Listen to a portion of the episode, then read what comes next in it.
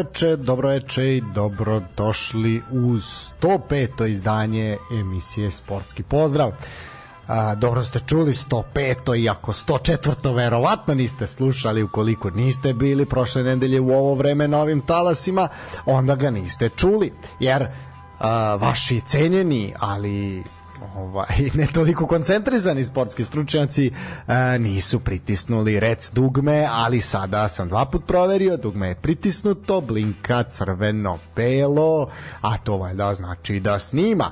A, tako je makar do sad bilo. Da, e, su se mnogi javili da probaju da hakuju server i to bi bilo jako zanimljivo pokušati. Ne znam do kojih dubina interneta bismo došli, ali nažalost takve stvari nisu bile moguće. Tako da o ta jedna epizoda ostaje mitska i antologijska, o njoj će se prepričavati i pričati, a najviše sprdati nas, kako nismo bili fokusirani da to e, uradimo kako treba. E, nje nema, ali mi smo tu. E, onoga čega nema, nema ni e, mojih sagovornika večeras, tako da sam prepušten sam sebi i vama i bilo bi lepo da ukoliko zaista slušate ovaj program već u ovom terminu, a znam da vas ima, da učestvujete zajedno sa mnom i da komentarišete i samim tim i meni malo pomognete da učinimo ovu emisiju i ovo veče zanimljivijim i lepšim. To možete uraditi putem naših društvenih mreža, ali ako imate već neograničene poruke, onda svakako preko SMS-a i to bi možda bilo najjednostavnije. Broj za to je 060 714 5266 znači 060 714 5266 Tu možete slati poruke, učestvovati malo sa mnom u komentarisanju svega ovoga čega šta ću ja spominjati. A, dok budem pričao sa vama večeras e, o svem onome što se dešavalo za vikend, ali i prethodne nedelje, a, treba reći da će uskoro početi drugo polovreme utakmice u Subotici, gde Spartak dočekuje mladost iz Lučana. 0-0 je na poluvremenu i utakmicu, e, do sadašnji tok utakmice, odnosno prvo poluvreme, obeležili su zaista napad iz Spartaka, jedan ne toliko bezazlen šut van okvira gola Lučanske mladosti, to je otprilike sve što smo videli od njih i mnogo, mnogo nesigurnosti glavnog sudije. To će svakako biti tema i večerašnje emisije, ali boga mi i ostalih emisija, a nema ih mnogo, ima samo jedna, koja se bave, bave temom domaće Superlige sudije su ovo kolo zaista bile u fokusu, tako da ćemo o njima, o njima diskutovati i pričati. Uh, o, pored ove utakmice u Subotici ispratit ćemo i utakmicu u Kruševcu gde će Vojvodina a, probati da konačno prekine taj neki crni crni niz ove rezultata i da dođe dođe do sva tri boda protiv napretka, neće to biti nimalo lako. Vrlo jedna zanimljiva utakmica ostavljena za sam kraj ovog kola. A, na programu je bilo 16. kolo, s tim da smo imali i utakmice petog kola ove ostale, Vojvodina Crna zvezda i Partizan napredak. O svemu tome ćemo svakako pričati u narednih sati po do dva. Gledat ćemo da ispratimo makar prvo polu vreme utakmice u Kruševcu. Što se tiče onoga što ste vi propustili u prethodnom prethodnom javljanju prošle nedelje e, propustili ste analizu 15. kola e, i ja ću kratko ako niste pročitati samo rezultate e, naime šta se dešavalo u 15. kolu imali smo taj kup koji se odigrao e, i imali smo evropske utakmice e, Partizan je savladao na svom terenu Keln e, međutim zbog nedoličnog ponašanja navijača sa južne tribine koje smo mi ovde kritikovali Partizan je kažen i kako stvari stoje utakmicu protiv Slovackog 3. novembra će igrati pred praznim tribinama što moram reći ta odluka je donešena u toku prošle nedelje Uh, moram, odnosno vest se pojavila, da li je to još zvanično, to još niko nije zvan, potvrdio, uh, ali uh, moram priznati da je to jako mene, mene lično pogodilo, na primjer, ja sam jedan od mnogih ljudi koji su kupili pakete ulaznica za sve utekmice Lige Evrope i samim tim sam oštećen ne samo emotivno, nego i finansijski, jer sam ja platio da gledam tu utakmicu i sada zbog nekoga koje je pitanje da li je platio kartu da gleda tu utakmicu, neću biti u prilici da, da posmatram utakmicu sa stadiona u Humskoj, kada će Partizan verovatno uzimati odlučujuće podove za prolazak u narednu fazu Ligi konferencija. Što se tiče Crvene zvezde, Crvena zvezda je izgubila od Ferencvaroša i to nije ličilo ni na šta lepo. A ono što je uh, jedino vredno spomena Stefan Mitrović, mi smo ga tu i pohvalili, ali zaista Crvena zvezda će imati jako težak posao protiv Trabzona u Beogradu da uspe da ostane u životu za prolazak u narednu narednu rundu takmičenja. Što se tiče uh, tog 15. kola, kratko samo rezultati, znači svakako derbi utakmica i najzanimljivija bila je Partizan Čukarički 3-2, uh, Radnički Kragujevac Crvena zvezda 1-0 i 111 terac, uh, pomalo sporan i dobar, dobar Radnički koji se zaista držao protiv Crvene zvezde koja se mučila. Napredak Radnik Surdulica 1-0, Javo Radnički Niš 0-2, Spartak Subotica Kolubara 2-1, TSC Voždovac 3-0, Novi Pazar Vojvodina 1-1, Mladost Gat, Mladost 1 1. To je bilo to 15. kolo koje ste mogli slušati prošlog puta, uh, tako da više o njemu neću. Svakako ćemo se sada okretati utakmicama koje su odigrane u ovom 16. 16. kolu. Uh, pre nego što počnemo, m, i sa ovim ostalim utakmicama treba reći samo da je radnik pronašao novog trenera, eto, da li se tu nazire uh, neko sunce u Surdulici da bi evo ovog Miholjskog leta moglo da ih ogreje, to ćemo videti. U pitanju je pa lice koje dosta dugo i nismo videli na našim terenima, odnosno na našim klupa, klupama, upituje je Simo Krunić, Sima vrlo, vrlo poznat stručnjak koji je vodio mnogo ekipa uh, širom Super lige, najpoznatiji svakako i najupečetljivije bio na klupi Jagodine. Uh, četvrti po redu trener u radniku ove sezone umesto Dragana Perišića sa kojim je klub s kojim je klub sporazumno raskinuo ugovor do sada u ekipi Surdulice tu su bili Linta, Radojičić, Perišić i evo sada Simo Krunić. To je nešto što se tiče ovih servisnih informacija. Ja bih možda mogao polako da pričam i o ovim utakmicama koje su se odigrale tom petom kolu a, ali pre nego što pre nego što počnemo a, treba reći da je a, danas je 24. oktobar to svi znate a, a juče je bio dan oslobođenja grada Novog Sada a, jedna jedna bitna bitna i lepa godišnjica i juče je zapravo bio pravi dan grada Novog Sada, naše grada, grada odakle se mi emitujemo, u kojem živimo i kog volimo. A, juče su naši drugari a, bili na Šodrošu, borili se da sačuvaju nešto što je ostalo kao zalog iz prošlosti, ali boga mi je nasleđe iz prošlosti, ali boga mi je i zalog za budućnost i nažalost daleko smo mi daleko smo mi od nekog oslobođenja, ali čestitaćemo našem gradu i našim sugrađanima dan oslobođenja jer je to jako jako bitan datum. E, mnogo mnogo ljudi je platilo životom da bi Novi Sad bio slobodan za vreme te tri i po godine duge i hladne koliko je grad bio pod okupacijom zaista je stradalo mnogo ljudi po nekim brojkama i statistikama preko 20.000 ljudi što je tada bila gotovo trećina trećina stanovništva neki su stradali u prvim danima nakon što je grad okupiran streljani bez ikakvog smisla reda i poredka ali kao da tu treba smisao kad nekoga ubijate i lišavate života i slobode mnogi su proterani, raseljeni, odvedeni u logore a najveći svakako najveća stradanja su se dešavala u januaru 42. godine kada se desio taj masovni masovni pokolj gde su mnogi streljani na ulicama i ili što je još mnogo mnogo gore živi bacani pod tada zaleđeni zaleđeni Dunav naravno pričam o Novosadskoj raciji mnogo toga je bilo, međutim 22. uveče uh, okupator se povlačio već iz grada, uh, rušili su mostove, da ne bi mogli doći do njih, međutim već uh, sa i sa ove sremske strane grada i sa uh, ove bačke strane su već ih polako stizali uh, pripadnici naravno slobodačke vojske i nekih delova crvene armije koji su bili tu da pomognu. Oni koji su pobegli su pobegli. Naravno ovi su stigli iz pravca Beograda i razbili taj neki ostatak onih koji su koji su koji se nisu povukli na vreme.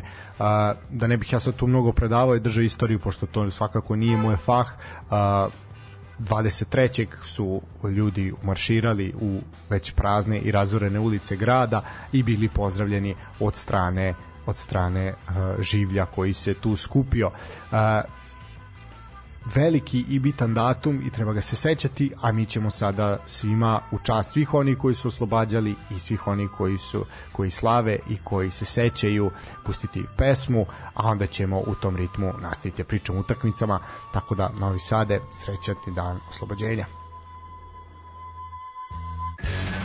Evo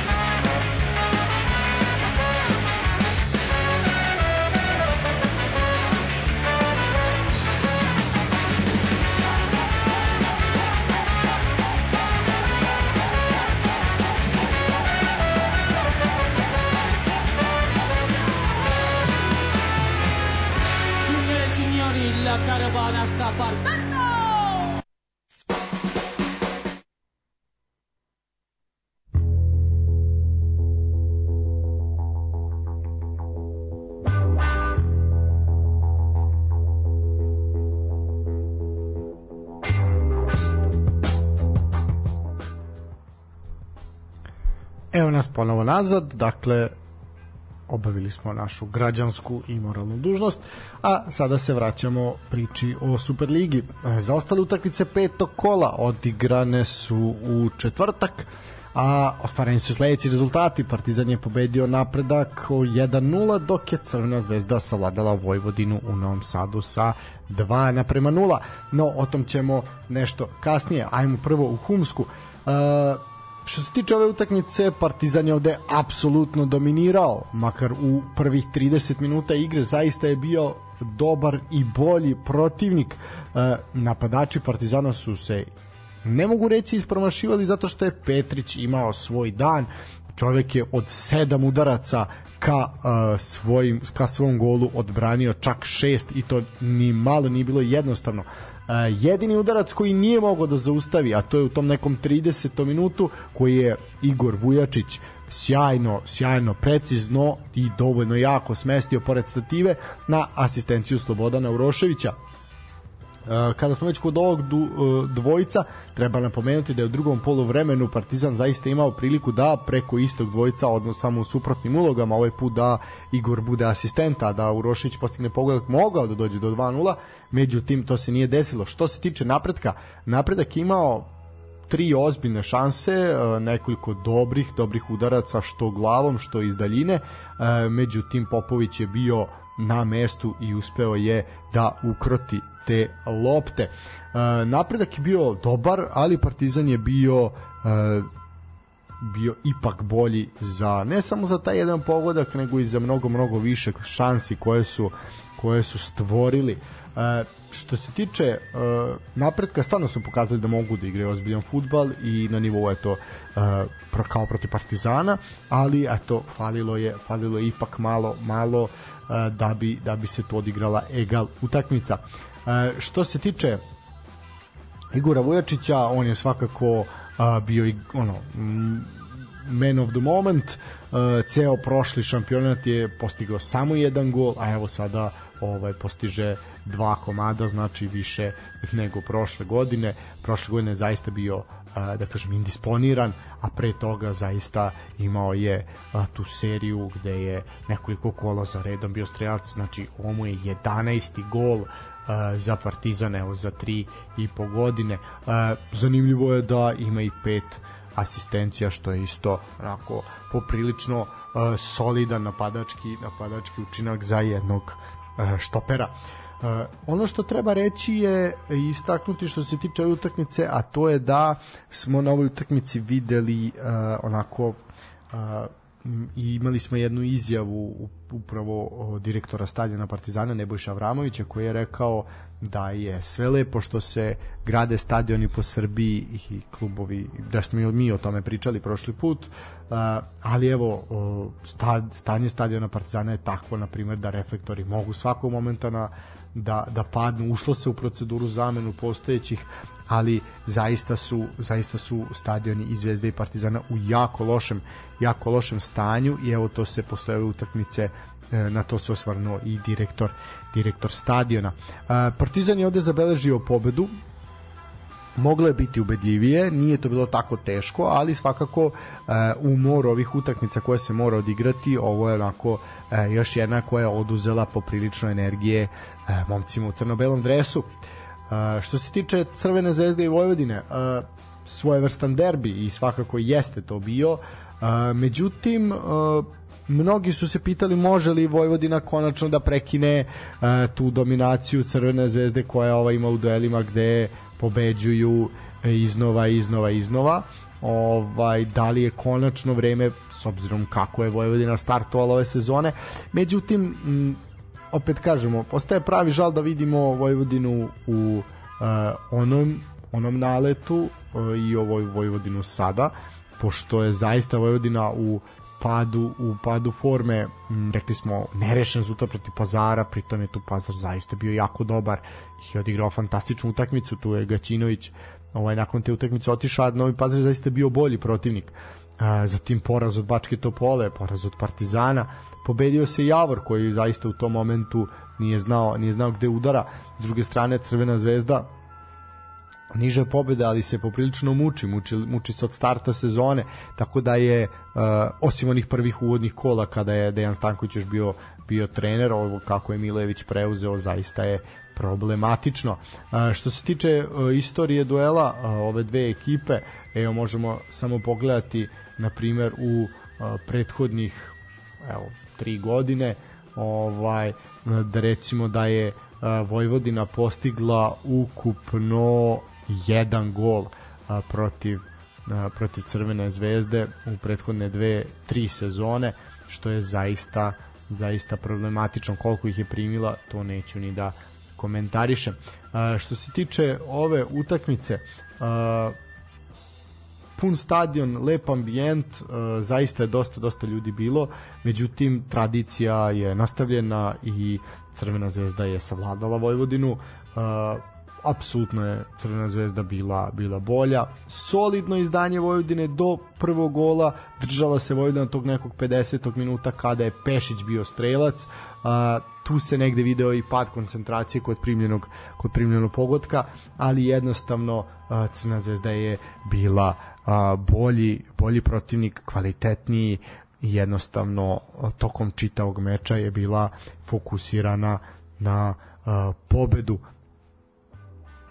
Pešić je u 52. doneo prednost od 1-0 i tu je Vojvodina zaista onako i utihnula i stala nije tu ovaj puno bilo nešto ni vremena da se Vojvodina nada izjednačenju jer je već u uh, 61. minutu Kanga doš, doneo uh, konačnih uh, 2 2-0 za crvenu zvezdu pokušaje kasno u 76. minutu nekim izmenama da uh, uh, rastavaca razmrda tu ekipu, međutim međutim uh, ništa od toga. Uh, zaista, eto, mm, Crna zvezda ponovo dolazi do pobede, ne tako ubedljivo kao što se očekivalo, ali mm, kao da to nije ni bitno. Uh, imaju neki plan kako idu uh, i čime se bave, fokus je svakako na rezultatima u Ligi Evrope, a Vojvodina, Vojvodina nastaje da se muči. Uh, ono što svakako je pitanje šta je sa Malbašićem i zašto ga nema više, jer evo i ovom, i ovom meču je dobio svega m, malo manje od 10 minuta, što je zaista mnogo manje od onoga što se očekivalo da će on i koliko će on doprinositi. Uh, zaustavit ću se za trenutak ovde. Uh, u Subotici je ponovo glavni sudija zakuvao situaciju, vidimo Neška Milovanovića i ovde neko dobija crveni karton uh, na klupi Spartaka, samo da vidimo šta se dešava. 61. minut je u toku, sudija de da VAR proverava mogući kazneni udarac. Gleda se da li je tamo neko igrao rukom. Da deluje da je Jojić, mladi Nikola Jojić iz, iz Lučanske mladosti fauliran u kaznenom prostoru.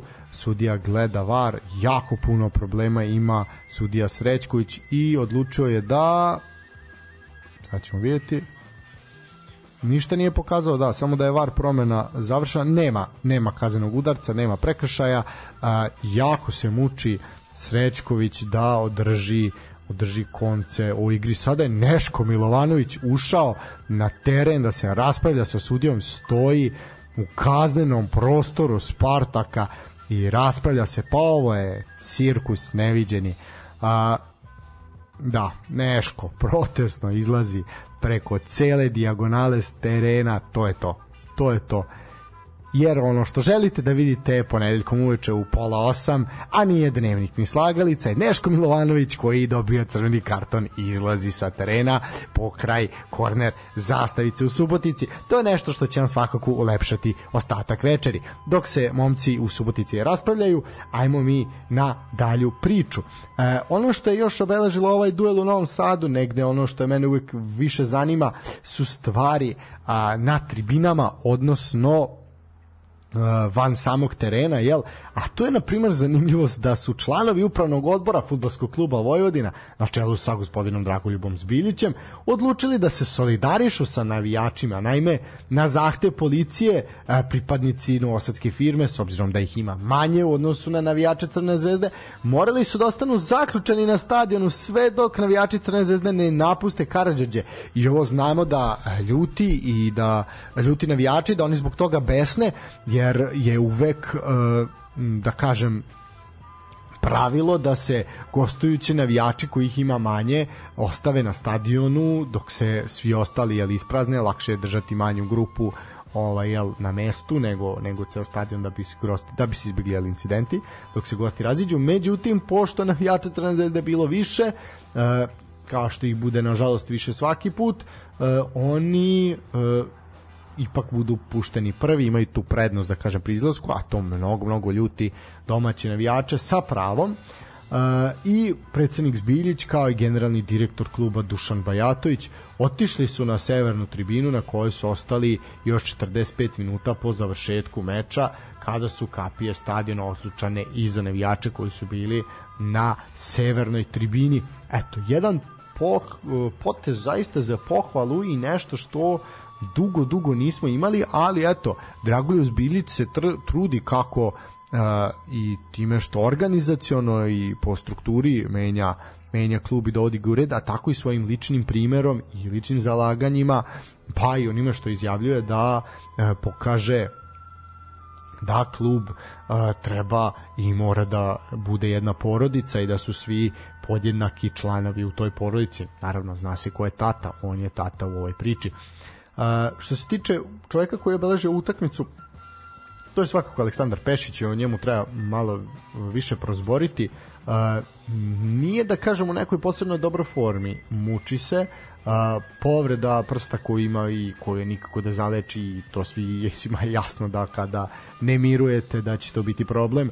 A, postaje veliki problem ali njegova želja, trud, zalaganje borba zaista nisu pod upitnikom momak je a, postigao četvrti gol u prvenstvu a, a zaista je ono što treba posebno naglasiti da su tri od ta četiri bili a, jako, jako bitni, da kažem, od krucijalne važnosti za pobedu Crvene zvezde, znači odlučujući protiv Novog pazara i napretka njegovi golovi direktno su doneli triumfe, a ovaj protiv Vojvodine je e, doneo, da kažem, načeo i otvorio Vojvodinu i negde je pokazao taj put ka sva tri boda. E, jedino eto protiv Voždovca je bio jedan od četvorice strelaca. E, Pešić je svakako kvalitetan igrač e, i eto negde je malo samo možda neophodno da ima malo više fizičke fizičke spremne i da uspe da a, zaleči sve povrede da igra bez bez tog hendikepa ali svakako uh, momak bez kojeg Crvena zvezda ne bi bilo trenutno tu gde jeste i čiji transfer i čiji je donekle osporavan od jedne strane navijača Crvene zvezde, ali se pokazalo da je on bio više nego uh, pametan, razuman i neophodan. Uh, dobro, može još jedna kratka pesma, pa ćemo pa ćemo ići na ove ostale utakmice uh, ovog 16. Uh, kola. Uh, u Subotici m, Spartak zaista ima inicijativu, uh, eto sem te prilike mladosti kada su a, razmatralo se u 11 tercu, Spartak je zaista bolji i gledat ćemo ispratiti da li će momci koje predvodi sa klupe a, Dunđerski doći do sva tri boda. Uh, poprilično su sabili mladost, pa sad vidjet ćemo da li će uspeti i da uguraju tu loptu u mrežu. Uh, to je to. Uh, ja ne bih puno ovaj davio dalje, može jedna kratka pauza. A, što se tiče, ovaj, meni je malo i vruće, moram priznati, prošli put smo kukali kako je hladno, kako nema grejanja. E sad ne da smo dobili grejanje, naše vapaje su, su čuli i, i toplana je pustila grejanje, a i napolju je 25 stepeni iz nekog razloga, tako da pod prilike, on prilike je u jednom momentu se zaista nije moglo disati, ono, baš je bio Vijetnam moment, ono uveče je m, jako hladno, a preko dana totalno zagušljivo i nedišljivo, a negde je uh, vlažnost ovde u studiju poprilično velika i mene je podsjetila na jedan od mojih omiljenih filmova, a iz tog filma ćemo uh, slušati i muziku. Uh, uživajte, pa se vraćamo brzo.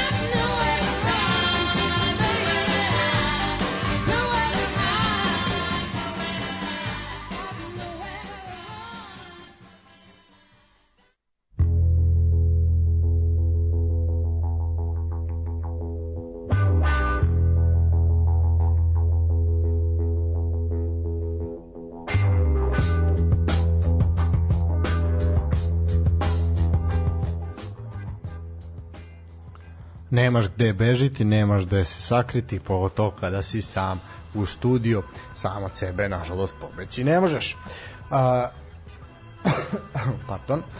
A, da, neki virus lada, svi su, svi su živi bolesni, ovaj, a to se desilo i jednom od dvojice a, mojih sagovornika večeras, tako da vidite i ja sam ovaj držim se, držim se, nećemo pasti kad inače nije pala nikad do sad, pa neće ni sad, ali da virus vlada tako da pazite se, čuvajte se, dosta vitamina, odmora, svega što je potrebno, zdravo se hranite, toplo se oblačite, nemojte da vas ovo, ovo su čak i moje, ovaj, nemojte da vas ovo sve prevari. E sad, pošto ja nisam Nada Macura i neću deliti savete, nego ću da pričam onome što se dešavalo u subotu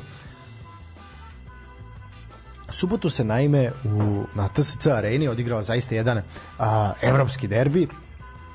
Kako su ga nazvali i jeste, možemo se složiti sa tim a, duel dve ekipe koje pretenduju sada kada je Vojvodina malo zastala u toj priči i kada ih nema tako blizu tog trećeg mesta, sada je tu a, glavni glavni pretendenti na tu titulu na tu titulu, na tu poziciju su a, pa može se nazvati da je to i titula, nije uopšte bila loša omaška, ovaj, može to se nazvati titula, je tre, treće mesto u Srbiji vam je kao da ste osvojili titulu, prvi, drugi, teško da možete biti, redki su uspeli da budu drugi, ovaj, da se umuvaju između večitih, tako da uopšte nije loše, ovo ćemo zapisati i koristiti. Dakle, duel dve ekipe koja, eto, sigurno, sigurno jako bitan duel i nešto što će uh, odlučivati o tome, o tom poretku na za to treće treće mesto na tabeli. Uh, što se tiče kvaliteta fudbala, on je bio zaista na jako jako visokom uh, visokom uh, nivou. Odlična je utakmica, uh, gotovo blizu 30 udaraca ka golu uh, jedne i druge ekipe što je verujte, više nego više od proseka za Superligu. Uh, jeste bilo tu tih 30 udaraca ka golu, negde 8 je samo završilo okvir gola. Uh, bilo je bilo je tu dosta dobrih i odbrana golmana, mora se tu isto priznati.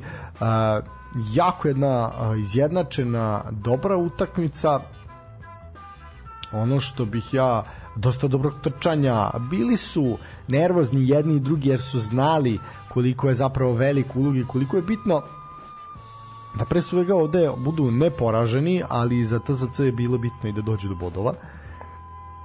Mislim, pogotovo što se igra na njihovom terenu, ali ni za Čukarički tu nije ništa manji pritisak bio i sem tim ovo je rezultiralo. Definitivno je ovo utakmica kvalitetna utakmica Superlige, ovo je nešto čega treba da bude više i češće, to je ona priča kada bismo imali uh, 10 klubova, ovakve utakmice bi bile gotovo svaki vikend, bi imali ste 3, 4 ovakve. I sad imamo 3, ajde da budemo realni, ali bilo bi mnogo više e, više ovakvih utakmica i nešto što ipak ipak zavređuje zavređuje mnogo veću pažnju.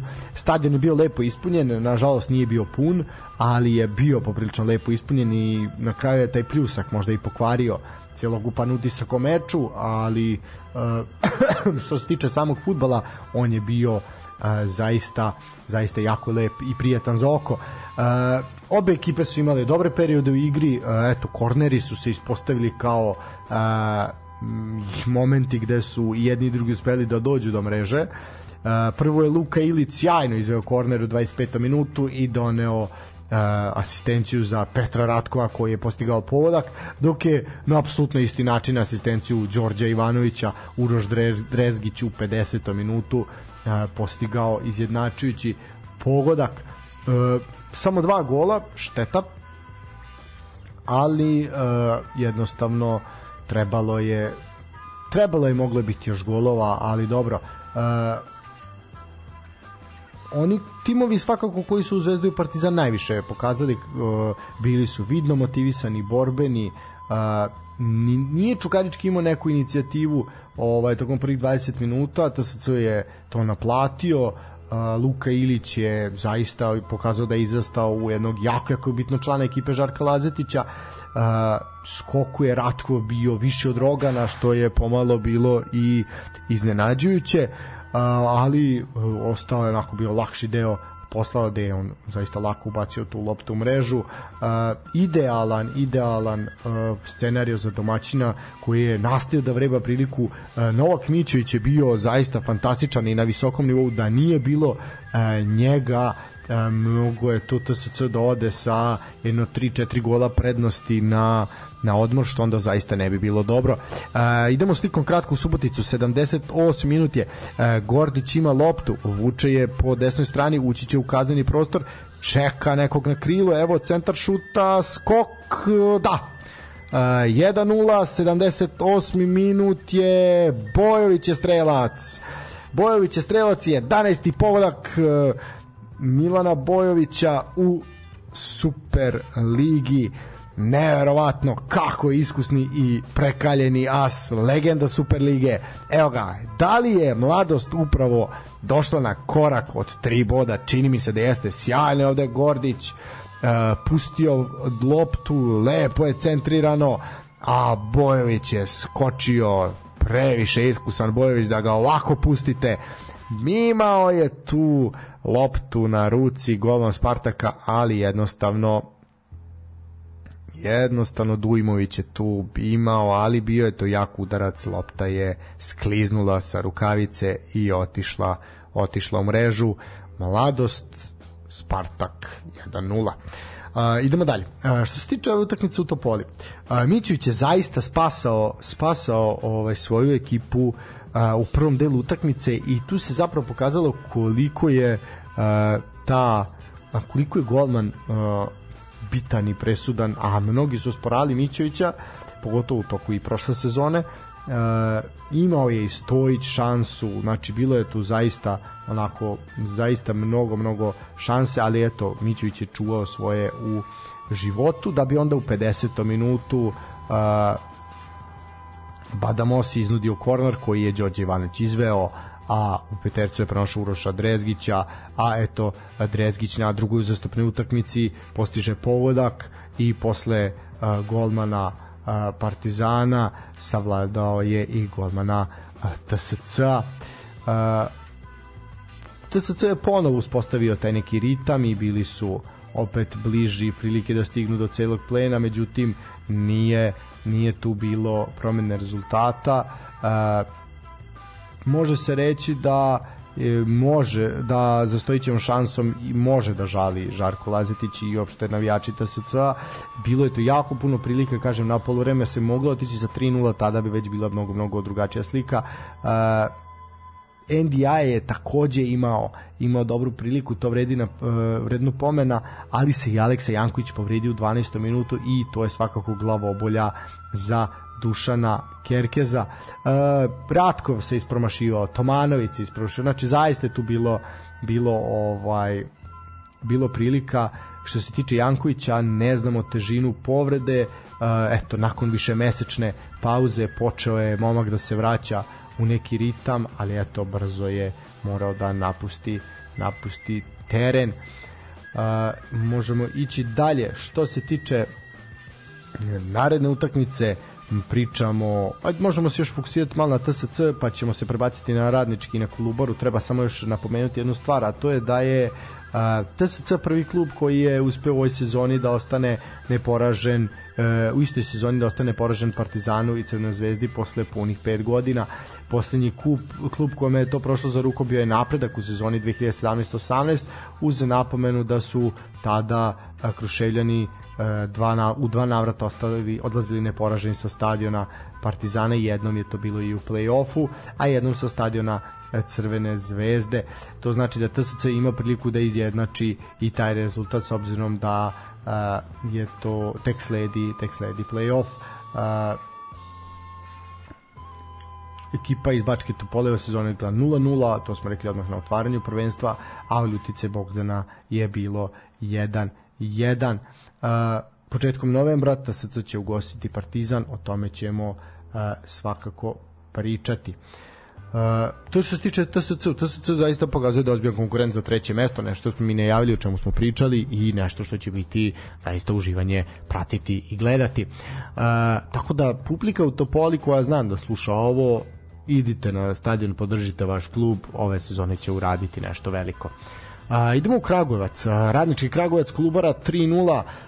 Šta reći za Radnički? Radnički je u svim elementima igre zaista nadigrao Kolubaru, sasvim zasluženo došao do pobede koja ga je lansirala u play-off Super lige za sada. Najlepši moment na utakmici ujedno i detalj koji je svakako usmerio ovaj duel u pravcu pobede domaćina dogodio se kod vodećeg gola koji je na doktorski način potpisao Nemanja Tomić u 29. minutu. Tomić koji je ovim pogodkom podsjetio na neke mlađe dane kada je na ovaj način tresao mrežu u uh, dresu Partizana. Zaista je znao Nemanja Tomić u svojoj karijeri da uh, zatrese mrežu iz slobodnog udarca. Jako lepo je to uradio. Nije tu golman Kolubare mogao ništa. Uh, ima tu i Tomić još jednu priliku kasnije. Bilo je dosta dosta šansi ka upućenika golu uh, Kolubare bilo je šanse i za Kolubaru Milojević ima jedan dobar solo prodor kada je dosta iz lošeg i malog ugla pokušao da šutira direktno, međutim a, lopta je, nije se ni očekivalo da uđe u mrežu jer je bio zaista onako blizu mrtvog ugla da bi za 3-0 onda pogodio uh, nakon Vidosavljić koji je u 56. bio uh, strelac nakon njene kontre uh, Stojiljković u 69 on postigao zaista fantastično lep pogodak, zaista uh, lepi, lepi pogodci, šteta što publike u Kragujevcu nije bilo više, ali termin je bio više nego nepopularan, igralo se u nedelju u radnim popodnevnim časovima, u 14 časova je počinjala utakmica, što je zaista zaista onako problematično u najmanju ruku. Uh, da. Uh, idemo, naredni meč je meč između Radničkog iz Niša i Crvene zvezde ali ja neću sada pričati o njemu jer ću taj meč kao i utakmicu Partizana i Javor ostaviti za nešto kasnije uh, nego ću se okrenuti utakmici uh, uh, Voždovca i Pazara, odnosno Pazara i Voždovca, pa ću ovaj karambol jednih i drugih i ove sudijske glup, gluposti ostaviti za kasnije. Da, raspravljanje i koškanje u Subotici, to sada će biti 85. minut je, Subotičani će da pokušaju da dođu do izjednačenja. Što se tiče Novog Pazara i Voždovca, utakmica uh, recimo za nijansu slabija od one u, u Topoli, utakmica koja je nedostajao neki gol da dobije vrhunsku ocenu. A, šta je sve Novi Pazar promašio?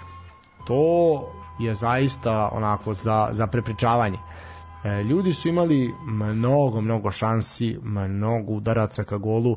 E, bilo je dva puta kad se bukvalno bukvalno ovaj videla 15 udaraca je Pazar uputio ka, ka ovaj ka golu Voždovca, od toga duše samo 3 u okvir gola. Ali bilo je mnogo intervencija uh, i odbrane i Krunića i zaista je onako su se poprilično poprilično ovaj namučili odbrambeni igrači Vojvodine, a o tome ćemo e, Bože Voždovca, a o tome ćemo sačekati trenutak jer imamo pogodak u Subotici a, po desnom krilu a, napadaju igrači Spartik, Spartaka na pamet jedan centaršut u na samu na samu ivicu kaznenog prostora Todorovski je šutirao, međutim od bloka lopta odlazi u korner, 86. minut je veliki broj igrača Spartaka je u kaznenom prostoru i Srećković izvodi korner gol je 1-1 je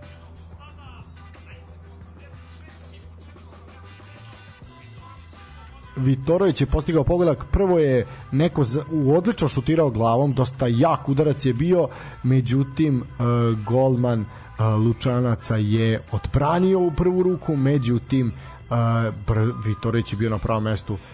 Da.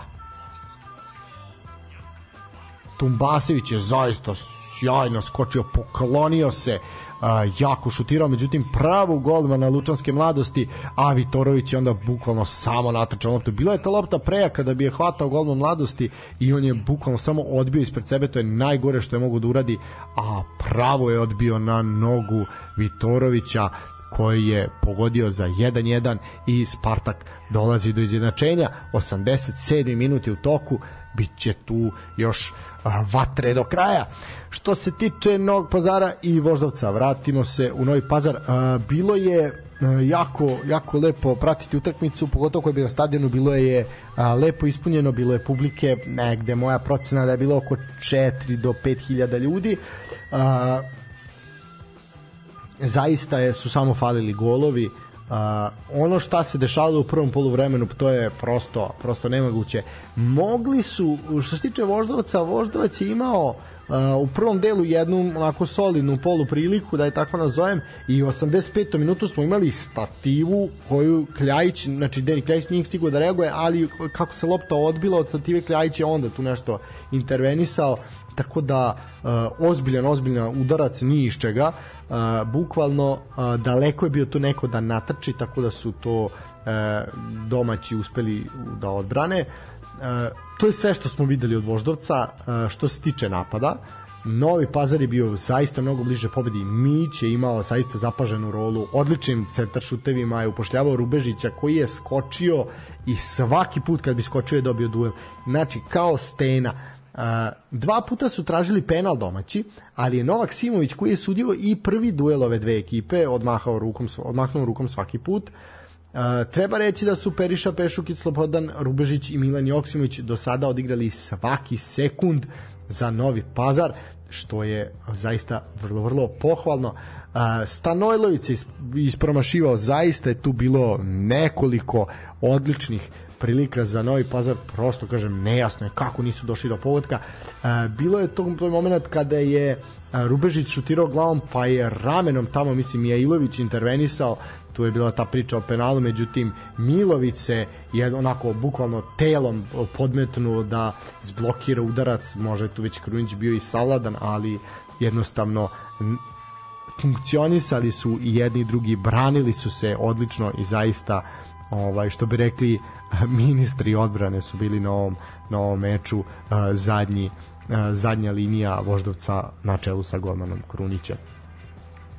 Što se tiče ove utakmice, negde je najzapaženiji uh, momak uh, bio Slobodan Rubežić, o njemu treba posvetiti malo više vremena u odnosu na ostalih. Uh, jedan od najboljih, ako ne i po najbolji centralni bek Superlige u aktuelnoj sezoni. Uh, ako pored mora mladih igrača zaista koji koje Novi Pazar ima na raspolaganju u ovom meču, uh, ovaj momak bi zaista mogao da ostvari neki unosan transfer, uh, možda uh, već na zimu, ali zaista bi bilo da bilo bi bilo bi šteta da ga Novi Pazar tako lako da, da vidimo do kraja sezone šta može biti, jer mislim da mu je svakako bolje da, bolje da igra da li su tu večiti rivali u priči, da li je tu Čukarički, zatim i Vojvodina, e, spominjem naravno Čukarički zato što je momak bio tamo, u Vojvodini je futbalski stasao, zaista bi bilo šteta e, ne videti ga još malo u Superligi jer zaista igra jako dobru dobru polusezonu sa izrazito visokim ocenama i što da ne onako zaista ga možemo vidjeti i u nekoj kvalitetnijoj kvalitetnijoj ligi. Što se tiče uh, bitnih stvari za ovaj meč, treba reći da je i uh, Damer Čakar debitovao na, u Superligi kao trener, imao je tu utakmicu u kupu, a evo sada i u Superligi se našao na klupi Novog Pazara. Uh, nije došao do pobede, ali je rekao da mu je želja da uh, bude uspešan poput uh, Miše Kosanovića koji je svakako jedan od najuspešnijih trenera Novog pazara u nekom uh, bližem, bližem prošlom vremenu, da tako se izrazim. Uh, pa ono što nam ostaje je utakmice, su utakmice Partizana, uh, Crvene zvezde protiv Radničkog i Niša, što se tiče Crvene zvezde, i Partizana protiv uh, Javora. Treba reći da je mladost Gaca vladala radnik nakon preokreta 2-1 pričat ćemo i o tome i o ovoj utakmici koja će se upravo završiti dok mi budemo sada slušali jednu pesmu ako ne dođe do neke promene rezultata, a ako i dođe mi ćemo to svakako prokomentarisati. E sad, slušamo a slušamo pesmu, recimo sad ovaj put malo malo dužu, nekih 4 minuta, pa ćemo se vratiti na priču i ostale teme koje imamo 5 do 8 je uživajte uz može Fratellis i Gini Nitro.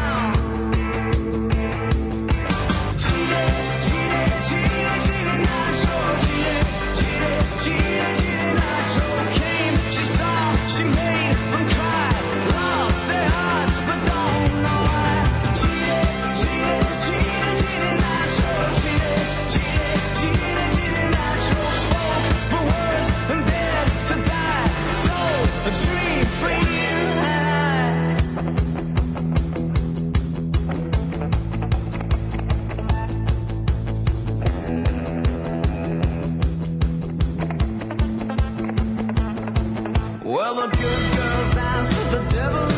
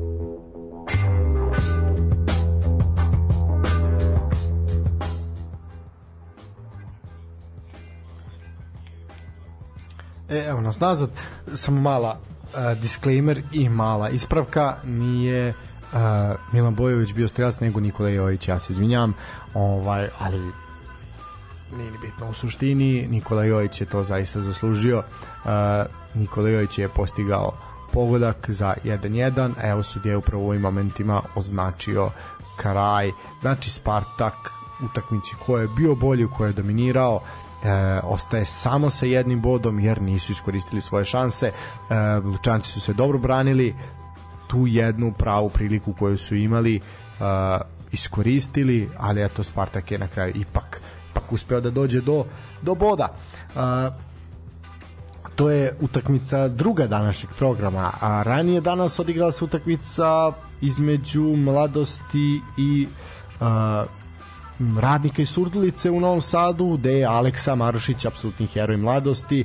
Momak je ušao u drugom poluvremenu, onda bukvalno u poslednjoj situaciji na meču postigao pogodak protiv radnika, iskoristio je gužu nakon kornera i eh, doneo važno tri boda ekipi Ljubomira Ristovskog i mladost se zaista ovaj bori, bori grčevito za opstanak. Uh, dve utakmice bez poraza su vezali, eliminisali su Voždovac iz Kupa, a evo sada su savladali radniki Surdulice drugi put ove sezone. Počeli su pobedonosno protiv radnika, evo sada su tu ponovu pobedu potvrdili. Surduličani ovim porazom ostaju onako potpuno usamljeni na začelju tabele sa svega 5 bodova, dok su evo novosađeni uhvatili priključak za Javorom, pa i Lučancima i Spartakom, tako da biće tu zaista grčevita borba za opstanak ukoliko mladost uspe da nastavi da se da skuplja skuplja bodove. E, što se tiče Surdulice, ona je došla do pogodka sredinom prvog poluvremena nakon što se zaista Aleksa Milović nije slaš, snašao nakon kornera mu je lopta ispala iz ruku to je iskoristio Rustemović i uspeo da loptu prebaci preko linije. Mogli su gosti nekoliko minuta kasnije i da odu na ogromnih dva gola razlike ali Danovski, Zoran Danovski nije iskoristio 11 terac kada je Aleksa Milojević odbranio njegov udarac i eto na taj neki način se iskupio za veliki kiks od e, nekoliko minuta pre toga. E, kako je počelo drugo polu vreme, tako su domaći izjednačili pogodkom Dimitrova i delo je da će meč završiti 1-1, a onda je Marušić zaista doneo veliki, veliki triumf domaćima koji se bore za opstanak u eliti. Imali su domaći blagu inicijativu posed lopte, Uh, eto, Surduličani su ipak prvi ozbiljno zapretili, Danovski je dobrim udarcem zatresao prečku, uh, da je da je ovaj lop da je on pogodio da je lopta ušla u mrežu svakako bi a, morao VAR da reaguje pošto je bila moguća offset pozicija. A, Andrija Radulović isto bio opasnost na ovom meču ali eto nije, nije ovaj put postigao postigao pogodak. A, eto malo su malo su ovaj jedan i drugi trener su malo rotirali u odnosu na prethodne a, odnosu na prethodne mečeve i Simo Krunić i Ljubomir Rostovski i negde se ta svežina i a, videla. A, 2-1 pobeda, pobeda mladosti. A, Spartak i ovo smo rekli mladost Lučani. E, počeo je duel u Kruševcu. E to ćemo još najaviti i onda ćemo onda ćemo se baviti Crvenom e, zvezdom odnosno Partizanom. E, sam da vidimo na kom programu je duel u Kruševcu. A, nije dvojka, nije trojka, pretpostavljam da će biti na ovde možda? Ne. Dva. Nije dvojka. Mora biti mm, da li je mora da je opet na nekom od većih brojeva što me jako nervira kad urade. Da. Izgleda da se ono nalazi znači meni će biti nedostupna to obožavam da ima koji na desetki da verovatno jeste. Arena Sport 2 pa ne znam što ga nema ah, ništa dok čekamo ovu da pronađemo ovu utakmicu uh, Arena Sport 2, ajde sačekat ćemo malo. Da, tamo je emisija u obruču. A, dobro. A, vidjet ćemo šta dok ne sačekat ćemo malo, ajde, bit ćemo, bit ćemo strpljivi.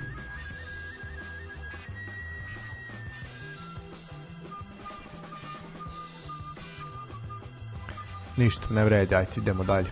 Pojavit će se nekde. A, da ne gubimo vreme. A, što se tiče utakmice napretka i Vojvodine, a, napredak pokušava tu neku dobru, dobru seriju da nastavi koju ima na svom terenu i da dođe do te pozicije koja vodi vodi u play-off. Uh, jeste izgubio je napredak u Novom Sadu, ali sada se igra Kruševcu. Uh,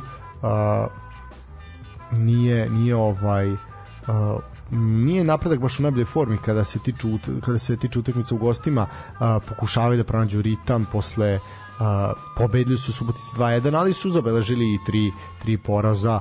Do duše gostovali su i Crvenoj zvezdi i Partizanu. Uh, napredak će evo protiv večeras zaista da brani dva sjajna niza kod kući četiri uzastopne pobede i 473 minuta bez prinjivnog uh, gola neće biti lako domaćima, Novosađani žele da prekinu lošu seriju, imaju četiri meča bez pobede, ali su svesni, kako je pomenuo i Nebojša Bastajić, bivši igrač Vojvodine, da je ovo jedan od četiri meča do kraja šampionata koji im kristališu put i daje odgovor na pitanje da li su uh, kadri da se izbore izbore da u ne samo plasman u play-off, nego i za borbu za Evropu. Uh, Što se tiče napretka, oni će nakon Vojvodine ići na noge Voždovcu, zatim dočekuju Čukarički, a u posljednjem kolu jesenjeg dela će da gostuju u Ivanjici.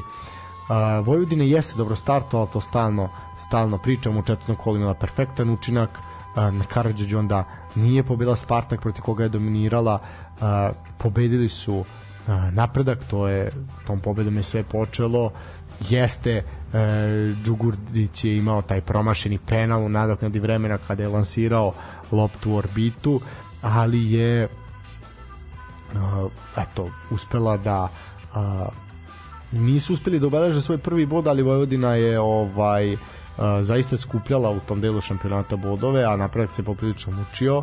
Uh, tek u avgustu kada su pobedili Mladost Gat napredak je došao do prve pobede.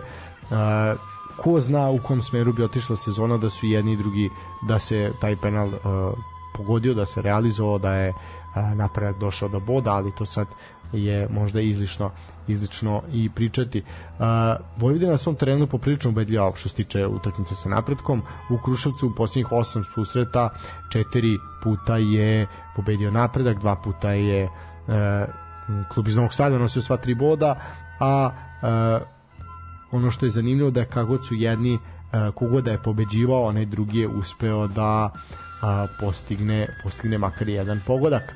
Uh, zanimljiv meč, uh, svi jedni i drugi će biti u manje više punim punim sastavima, tako da će svakako biti zanimljivo za ispratiti. Ako uspemo da nađemo prenos, ako ne uspemo da nađemo prenos, onda nikom ništa a, ovaj nećemo ispratiti. Da, evo, ne znam šta se dešava no nije ni bitno, time ću se baviti kad pustim pesmu. E, idemo sad na priču o e, Partizana, Partizanu, odnosno o Vojvodini, o bože, o e, Crvenoj zvezdi. E, šta se dešavalo? Na, svašta se dešavalo. Od koga? Prvog da počnem. Krenut ćemo od Crvene zvezde, s obzirom da je Crvena zvezda igrala prva. E, dočekao je Nenad Lalatović svoju Crvenu zvezdu uh, u Nišu. Uh, jeste se uh, radnički herojski borio, ali nije izdržao. Meč je završio sa dva isključena igrača. Uh, da je radnički osvojio bod ne bi bilo nezasluženo. Uh, šteta zaista za Nišlije, uh, a eto, uh, sreća za Crvenu zvezdu. Uh, Pešić je svojim golovima onako zaista ponovo, ponovo dokazuje onu priču od malo pre, vuče napred Crvenu zvezdu i održava je zaista na toj liderskoj poziciji. Još malo ovih servisnih informacija pa ćemo onda pričati o a, tome šta se dešavalo na samom terenu. O, Seku sa nogo je zbog svoje povrede završio polusezonu. Ukoliko bude član Crvene zvezde, on će tek moći da, ako ne ode jel, u zimskom prelaznom roku, on će se pojaviti tek na priprema za drugi deo šampionata. Što se tiče bitnih stvari, treba reći da je da je Crna zvezda dovela jedno pojačanje nakon nakon što je postigao zaista evro gol protiv Partizana. Lazar Nikolić je predstavljen u Crvenoj zvezdi. Eto ugovor je potpisan još prošle nedelje kada se o tome spekulisalo i važiće do leta 2025. godine. Eto za nepuno 24 časa od gola Partizanu promovisan je do novog igrača Crvene zvezde eto zanimljivo zanimljivo ovaj uh, on kaže da mu se jeste on deo omladinskog staža proveo u Partizanu, ali kaže da mu se ovim transferom ostvario dečački san i da je sada u najvećem klubu na Balkanu što je od uvek i želeo. Igrao je Nikolić iz Opka Beograd za italijanski Spal, a, bio je u Krupi, u Javori došao 2019. godine i skupio negdje više od 100 nastupa za Ivanički klub postigo je zaista jako lep pogled protiv Partizana u meču koji ćemo pričati nešto kasnije.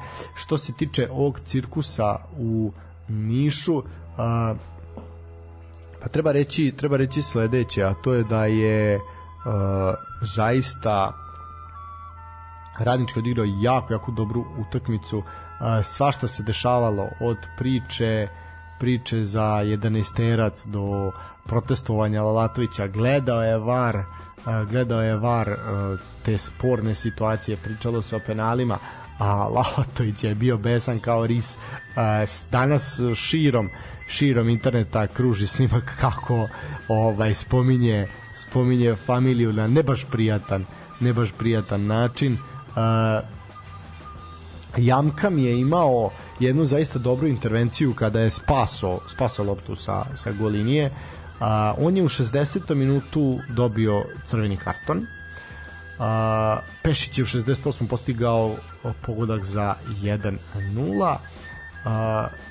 Saša Marjanović je zaista lepo, nakon lepe, lepe akcije izjednačio za 1-1 i onako eksplodirao je stadion prosto. Uh, međutim, uh,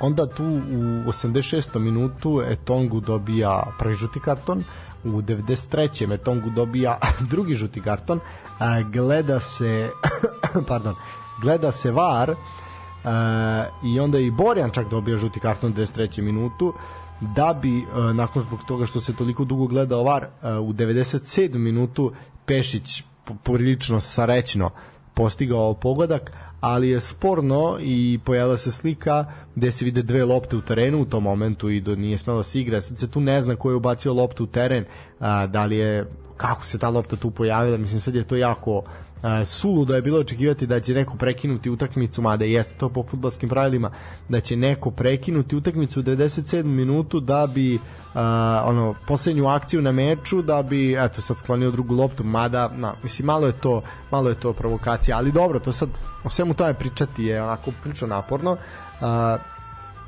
Milojević je bio besan, Uh, mislim besan, bio je nezadovoljan, jeste, ok, uzeo je tri boda, ali onako vidi se da je to trebalo da bude mnogo, mnogo ubedljivije. A, što se tiče Lalatovića, Lalatović je rekao da je a, nezadovoljan iz prostog razloga što a, krivo mu je što nije uzeo bod, ali mu je i krivlje što će protiv Partizana igrati a, osakaćeni jer ostali su bez dva bitna igrača i sad tamo idu kao na streljanje bez pet standardnih igrača, bez oba štopera, bez beka, bez veznog. A, čestitao je Crvena zvezdi, ali zaista ostalo je žal i ja sam saglasan sa tim. Lale u pravu si ovaj put, odigrao si zaista taktički dobro organizovanu utakmicu. E, nije želeo komentariše suđenje, krenuo je da kaže, ali se zustavio i rekao da ne želi ništa da priča. E, kažem, na tom kraju prvog polovremena je Lale bio zaista naj a, najbučniji kada se tamo proveravalo da će biti 11 terca, neće biti 11 terca. E, bio je bio je besan i nezadovoljan suđenjem, ali moram skinu moramo skinuti kapu i a, negde, mislim skinuti kapu može preka reći, ali a, zaista pohvaliti da posle dugo, dugo vremena je odigrao egal utakmicu s Crvenom zvezdom sa dva igrača manje, pazite, ajde recite klub koji sa dva igrača manje protiv Crvene zvezde odigra egal, egal utakmicu, to je zaista jako, jako redko sve u svemu ostaje zaista zaista žal, ali m, treba da budu ponosni Nišlije na na njihove igrače, momci su se zaista borili, opet kažem, dva igrača manje i to ostati a, pogotovo Jamkam koji je imao dosta dobru utakmicu. Sve u svemu a, Pešić ponovo, Pešić ponovo a, jednostavno čovek je čovek je talija ove, ove sezone i vuče, vuče ekipu napred i jednostavno bez njega tu mnogo, mnogo manje bodova bi bi bilo i ono što čemu sam pričao na početku emisije, zaista čovek je uh, bitan, bitan šraf i direktan uh, da kažemo krivac za uh, veliki broj bodova. Uh, što se tiče Lalata, da, Lalat će svakako na Megdan Partizanu u narednom kolu, čemu se ja jako radujem i ovaj zaista će biti ponovo mnogo, mnogo ovaj i reakcija i uh, i publike i Nenada koje ćemo mi svakako jedva čekati da doživimo i da vama dočaramo naredni ponedeljak. Uh, elem do tada uh, Crvena zvezda upisuje nova tri boda Partizan uh, se Partizan se okreće utakmici sa Javorom u tom momentu, iako su navijači Partizana pomno pratili šta se dešava i već se tu komentarisalo, a evo sudije im pomažu, ide se, igra se 97 minuta, igra se dok Zvezda ne da gol, bla bla bla bla bla, kao što to uvek i biva. Mislim da se mi nalažemo, jeste tu se igralo mnogo, mnogo duže, ali igralo se iz prostog razloga što jednostavno a, se tu se tu dešavale dešavale su se neke stvari ovaj kod tog crvenog kartona kod tih a, gubi, gubljenja vremena gde je čovjek jeste jeste ovaj produžio. A, imali smo eto Srećkovića danas imali smo a, utakmicu i gde se Voždovac, odnosno Mijailović se žalio na suđenje da je su igrali rukom. A, ne Bože Mijailović Rubežić se žalio da je Mijailović igrao rukom a, isto tako evo sad i ovde je bilo gde su jedni i drugi smatraju da su oštećeni ovi za penal, i za crvene kartone. Tako da su sudije ponovo ovo kolo u fokusu što je predivno. I to samo pokazuje da su nam sudije a, kako bih to rekao mi imamo takmičenje koje je usporeno. Imamo igru koja je usporena, imamo takmičenje koje je delimično nezanimljivo, imamo a, imamo jedan opšti osjećaj u društvu da nije regularno, imamo jedan osjećaj da je nekvalitetno svakako, imamo jedan osjećaj da neko sa strane utiče na sve to, imamo osjećaj da sudije navlače, da od ono. A, drage moje sudije i dragi moji ljudi i sudijske organizacije, edukujte se, edukujte se i radite na fizičkoj spremi. Nemojte da koncentracija pada u 65 minuta, ne možete da dišete. Znači, jako veliki pre meni je jako žao što sudijska organizacija ćuti. To što Raka Đurović izađe da kaže, to moj, može moja baba da izađe da kaže. Znači, otprilike se isto razumeju. Znači, zaista, more, jako imamo za čak i ovako prosečan nivo takmičenja kakav mi imamo u Srbiji, e, sudije su nam mnogo, mnogo ispod po kvalitetu u odnosu na sam kvalitet takmičenja. I to je problem. Sudije moraju da prate prate kvalitet i igre i takmičenja. Ako mi ove sezone imamo nešto brži futbal, a imamo ga u odnosu na prethodnu, sudije more da budu fizički spremnije. Mi imamo problem da ljudi ne mogu da trče, da njima duša u nosu, jer jednostavno ok, ja se slažem, će reći sudije nisu profesionalci, ali bez obzira, znači to im je honorarni posao. Morate biti fizički spremni, a ne može da bude, ne može da taj, te pripreme i te uh, taj da, te, te dok reći casting, ali nije, ovaj, da tu selekciju koju prolazite uh, da to bude čisto pro forme. Ne može, znači mora da se zadovolji, jer ako to ne bude, ako to nije na nivou pa kako onda da očekujemo da, da, privučemo, da privučemo ljude? Mislim, Uh, pogledajte prosečnu posjećenost na stadionima. Evo mogu vam reći da je prosečna posjećenost na stadionima u Hrvatskoj prošle uh, ovog prošlog kola, od ovog vikenda bila uh, oko 7000 ljudi. E sad vidite šta je statistika. Uh, jeste 7000 ljudi, kod nas je mnogo manje. A, ali zašto je 7000 ljudi? Zato što ste imali derbi između Hajduka i Dinama koji je imao blizu 32.000 posmatrača, a ovde svuda ste imali po 1000, otprilike negde 1100, 1200, 1400, mislim da je bila najveća, a ovo su čak i bilo i dve ispod, bila je jedna od 800 i jedna od nas 500. Uh, I onda kaže imaju 7000 ljudi na tribinama, ali zašto nema ljudi na publici? Upravo zato što sudije prave javašluk. Oni njihove sudije mnogo više razapinju nego mi ovde naše. Naši su zaista zaštićeni, ali jako puno se greši. Jako puno se greši. Evo imali smo sada Srećkovića u Subotici koji nije mogao da održi, da održi tempo. Imamo Novaka Simovića koji toliko uništava i seče igru i toliko kad krene da kad pogreši ili kad ne stigne da reaguje, onda uh, na, krene to, e sad ću da ti vratim ovde, pa sam oštiti ovoga, pa ću da vratim tamo to kad krene kompromis. Kad krenu kompromisna rešenja, tu je drugovi sudije gotovo. Znači, nema kompromisa. Uh, ili pustite grubu igru, pa ok, imamo grubu igru, može, uh, ili pustite ili onda pratite, ali definitivno je komunikacija loša, nemaju snage, nestručni su, to je sve sve ozbiljan uh, problem. E sad, kad se tiče suđenja, suđenje je bilo glavna tema u Humskoj ulici negde oko 22 časa. Uh, Gordon Petrić je lepo najavio protiv Javora moramo da budemo mudri, pametni i lukavi kako bismo dobili tu utakmicu.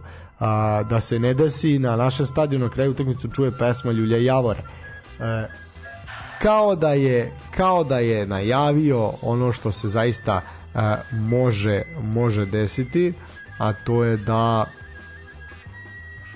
da ovaj zaista e, dođe do te, do te pesme, ali izgleda da je e, pao pogodak, sad ćemo to ispratiti, samo da vidimo. E, strelac za Vojvodina je postigla pogodak.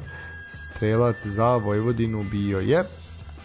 To ispratiti. Jako je sta nema mislim jeste jeste rečeno da će prenos biti na dvojci, prenosa dragi moji nema, ali dobro šta sad šta je tu da ima, možda možemo HR da uključimo a, da li će na HR biti neće briga ih. A da, sad ja mislim gubim vreme u, u emisiji da bih tražio ovo i ovo me sad jako već sad počinje nervirati. Mm, naravno da nema.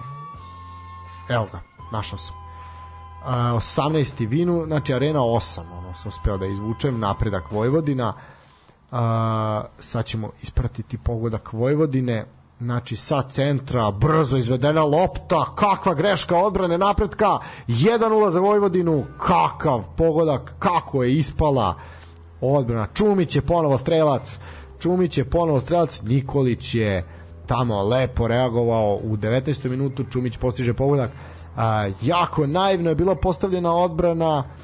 Kamen sa, sa srca je pao rastavcu, vidi se.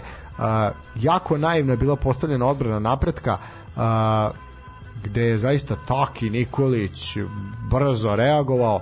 Loše je tamo neko od uh, igrača uh, u odbrani Kruševca zakačio loptu nije uspeo da je primiri i ona se odbila uh, zapravo nastila putanju ka njihovom golu a Čumić brz kao voz stigao tu loptu i postigao pogodak. Eto, imamo sliku, konačno, ono što sam tražio već pola sata, sliku iz Kruševca. Elem Partizan Javor. Uh, još jedna zaista jako dobra utakmica i kvalitetna i lepa, mislim kvalitetna, lepa za gledanje, kvalitetna na nivou Superlige uh, u ovom 16. kolu. Uh, Javor je pokazao kuhones. Uh, Partizan je ispustio olako po meni dva gola prednosti promašili su nekoliko zaista kolosalnih šansi da se taj meč privede kraju, onda su surovo kažnjeni. Mislim, nema spora. Javor je osvojio bod posle četiri uzastopna poraza u prvenstvu.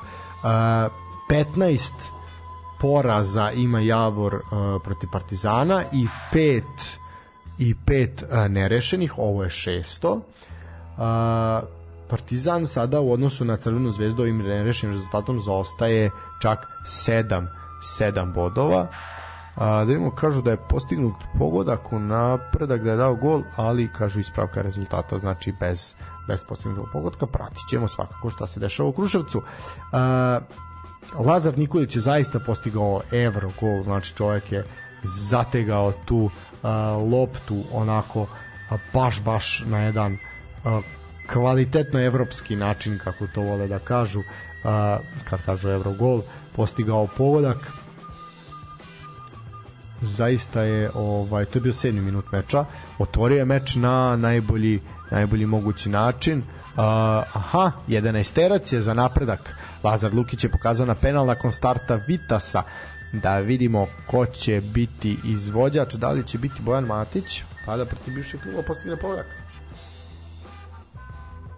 Da, Bojan Matić uzima loptu, on će biti biti ovaj izvođač 11 terca, Carević i Matić, Matić, brani Carević, Carević dva puta nakon što je odbranio nakon što je odbranio Matiću Matić nije stigao da zahvati tu loptu ponovo međutim Putinčanin je sjajno šutirao u kontraugao ali se Carević vratio i odlično reagovao ispružio se koliko je dugačak evo sad jedne šanse za kontru Vojvodine da li može čak i do 2-0 iskupio je malo no, iskupio je malo ravnotežu Čumić i nije postigao drugi pogodak na meču. Šta smo sada videli? Ovo je podsjetilo sezonu Championshipa Watford i Leicester, čini mi se.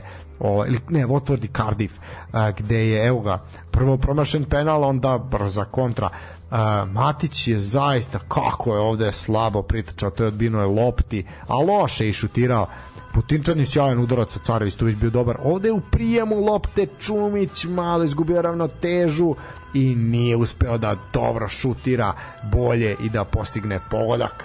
Čumić se zatužali na povredu zgloba, da je nezgodno doskočio, dok se njemu pruža lekarska pomoć, idemo na priču o Beogradu. E, Natko je izjednačio e, zna 1-1 u 11. minutu, da bi Slobodan Urošić ponovo postigao pogodak uh, ove sezone i doveo već u 25. minutu preokrenuo rezultat. To je već delovalo da će Partizan uh, lagano doći do, do tri boda. Jedan od bitnih momenta meča je 46. minut kada Živković ulazi umesto Filipovića, to ću bitno napomenuti, i pogodak jer je Marko Živković postigao gol u 31. minutu, uh, zaista uh, lep, eto, lep moment za, za njega. Uh, delovalo je da sve ide sve ide u dobrom smeru da će Partizan uh, ostvariti laka tri boda da će to biti ponovno natrpavanje mreže Javora međutim nije tako bilo uh, promašivali jesu igrači Partizana ali nakon uh, 11 terca u 71. minutu Gigić je uh, došao smanjio rezultat jer protiv bivšeg kluba postigao pogodak, bilo je 3-2, da bi onda u 88 minutu Luka Gojković postigao pogodak, loše je tu reagovala odbrana crno-belih, pobegao je Gojković, zahvatio je tu loptu kako treba i postigao pogodak. E sad, uh, odmah su krenuli, odmah su krenuli sa saopštenjima uh, što se tiče Što se tiče, ovaj, prvo je Raka Đurović pričao o spornim detaljima i to moram da prokomentarišem. A, ovako kaže Raka Đurović, e, Da, zamerili su Andriji Stojanoviću, znači što je svirao 11. korist Javora prilikom duela Kristijana Belića i Tojičića, ali e, neko je izdvojio da je Belić napravio još jedan uh, još jedan prekršaj koji je mogao biti biti penal, ali on nije sankcionisan. E sad, uh, tu imamo i obaranje Igora Vuječića koje je zaista je čoveka vukao jer je pao u kaznenom prostoru tokom nadoknade, a to nije sankcionisano najstrožom, najstrožom kaznom. Uh, na te dve situacije ukazao je Raka Đurović uh, on kaže da su upravo takve situacije idealne za VAR ja se slažem sa tim i zbog njih je uvedena video tehnologija sad Da li je da reč o zloupotrebi ili kukovičluku, to ne znamo. Da li zašto se nisu oglasili, ne znamo. E, moralo je moralo se glavno sudi primo, pristup, priskočiti pardon, u pomoć, za to služi VAR soba. Zašto se VAR soba nije nije ovaj oglasila zašto Partizan jeste u nedelju uveče zatražio transkript dijalog da, dijaloga glavnog arbitra Andrije Stojanovića Miloša Milanovića koji je bio u var sobi, oni traže da vide da li je bilo komunikacije, zašto ona je izostala, uh, oni tu vuku paralelu sa utakmicom u Nišu gde je uh, zaista na intervenciju var sobe s razlogom poništen penal koji je sviran za Crvenu zvezdu. Đurović je rekao da nema nema priče uopšte Partizan jeste oštećen.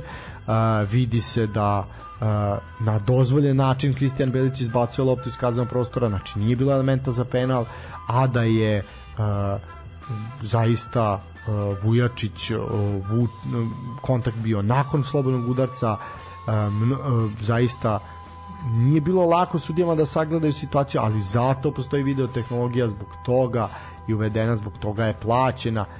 Zašto nema zašto nema komunikacije, to je to je sad već ozbiljan ozbiljan problem. E, ono što treba reći da će Patrik Andrade propustiti duel i sa Radničkim iz Niša i sa uh, i sa Nicom, to je jako bitno za reći. Uh, jednostavno neće moći da uh, on se povredio tokom utakmice s Javorom i uh, morao je, iako je bio planiran da počne meč, nije, nije startovao. Uh, Petrić se jeste dotakao, dotakao suđenja uh, on kaže da pogotovo mislim zaista su kivni u, u Humskoj uh, što se tiče uh, kaže nije sigurno, kaže nejasno mu je zašto uh, sudije nisu krenule, čekale su, kaže, možda jeste zato što sudije nisu ni krenule, čekale su da se završi utakmicu u Nišu, vratno je bilo interesantno u tom momentu.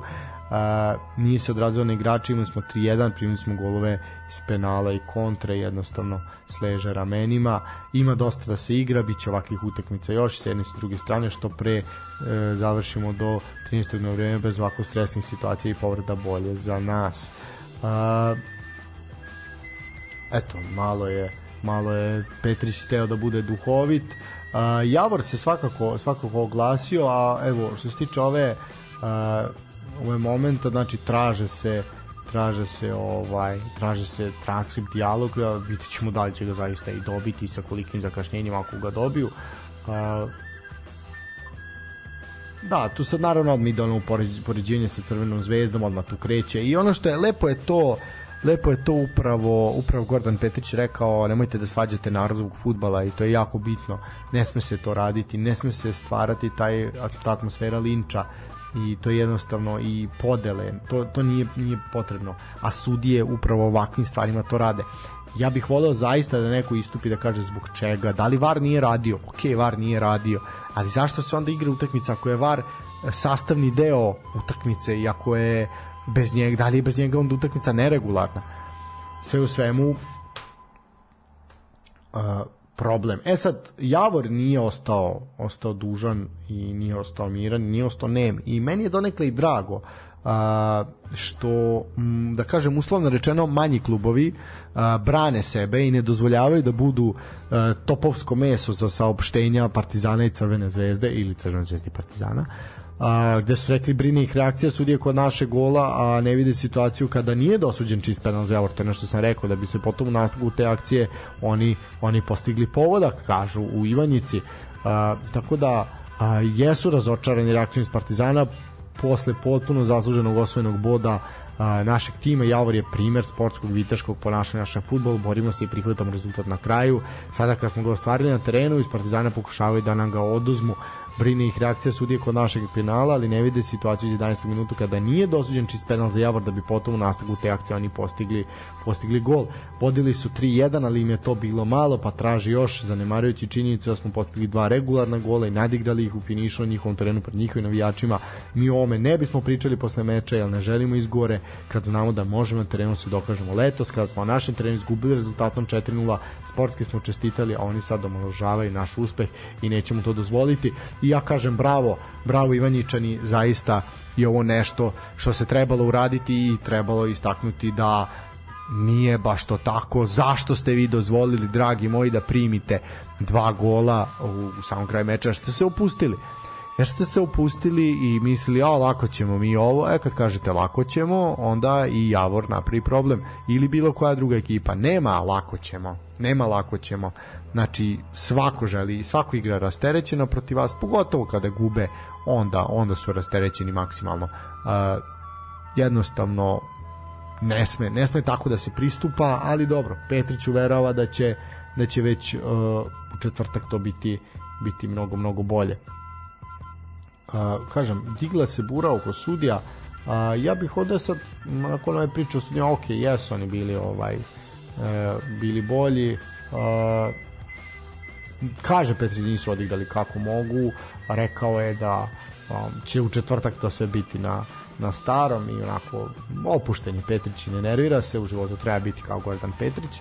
Uh, e sad, što se tiče Luke Gojkovića, momka koji je postigao taj treći pogodak, eto nakon Lazara Nikolića koji je potpisao ugovor sa Crnom zvezdom, Luka Gojković je definitivno momak on, on, the, on man of the moment što se tiče ove utakmice prefinjena tehnika, levonog, dobar dribler, odličan šuter, stabilan je na lopti, jako mu je teško oduzeti, a, precizni pasovi, ta, a, bez obzira da li su kratki ili oni od 50 metara, najviše mu godi kad je na desnom krilu, a, jer mu se tada otvara mogućnost da čak i taj neki polo, taj neki half space sa desne strane gde mu se otvara mogućnost da ulazima prema sredini stvara sebi prostor za šut desna noga nešto slabija, ali je dosta puta pokazio da ume da se snađe i kada je prinuđen da ide uh, u desno. Uh, kada mu je zatvoren ulaz ka 16 metara igra zaista dobro glavom. Uh, zaista zaista ovaj trener ga često koristi kao drugog špica tako je često igrao i u Radu evo sada i u Javoru. Rođen je Beograđanin igrao je u Bsku iz Borče prešao je kao mladinac u Voždovac bio je i u Bsku kao u seniorskom timu, zatim odlazak u Bačku, pa u IMT, međutim tamo se nije dugo zadržao. U januaru 2021. godine prelazi u rad, odakle u junu ove godine dolazi u Javor kao zaista veliko, veliko pojačanje. Prema nekim informacijama mnogo strani klubova se interesuje za njega pre svega grčki Aris koji će na zimu pokušati da ga dovede u svoje redove A, za sada u aktualnoj sezoni ima 13 utakmica, 3 gola i 2 asistencije, a u novembru će napuniti 23 godine. Eto, to je malo bilo o Luki Gojkoviću, heroju sa ove utakmice. A, ja bih pustio sad jednu pesmu, ovaj pa ćemo se onda baviti tabelom i a, drugim o, ovim što nas čeka u narednom kolu. Ajme nešto kratko, pa se vraćamo. Baš sam sad uhvatio segment priče poprilično dug. E, slušamo ove popularne italijane.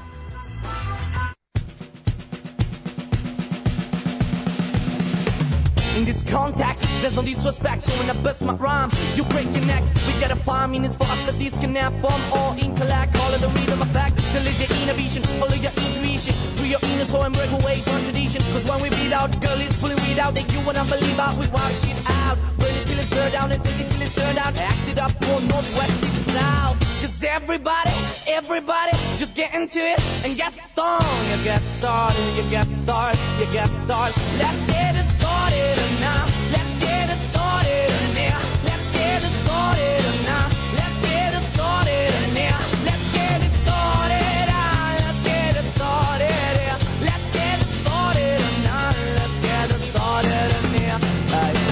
So lose control of body and soul. Don't move too fast, people just take it slow. Don't get ahead, just jump into it. Yeah, yeah, our body, your dust, people do it. And get started, and get stupid. You want me body, people, we walk into it step by step like you're into new kid. Inch by inch with the new solution. They try me, teach me, no delusion. The themes are irresistible, and that's how we move this off. Everybody, everybody, let's get into it and get stupid. You get started, you get started, you get started. Let's get it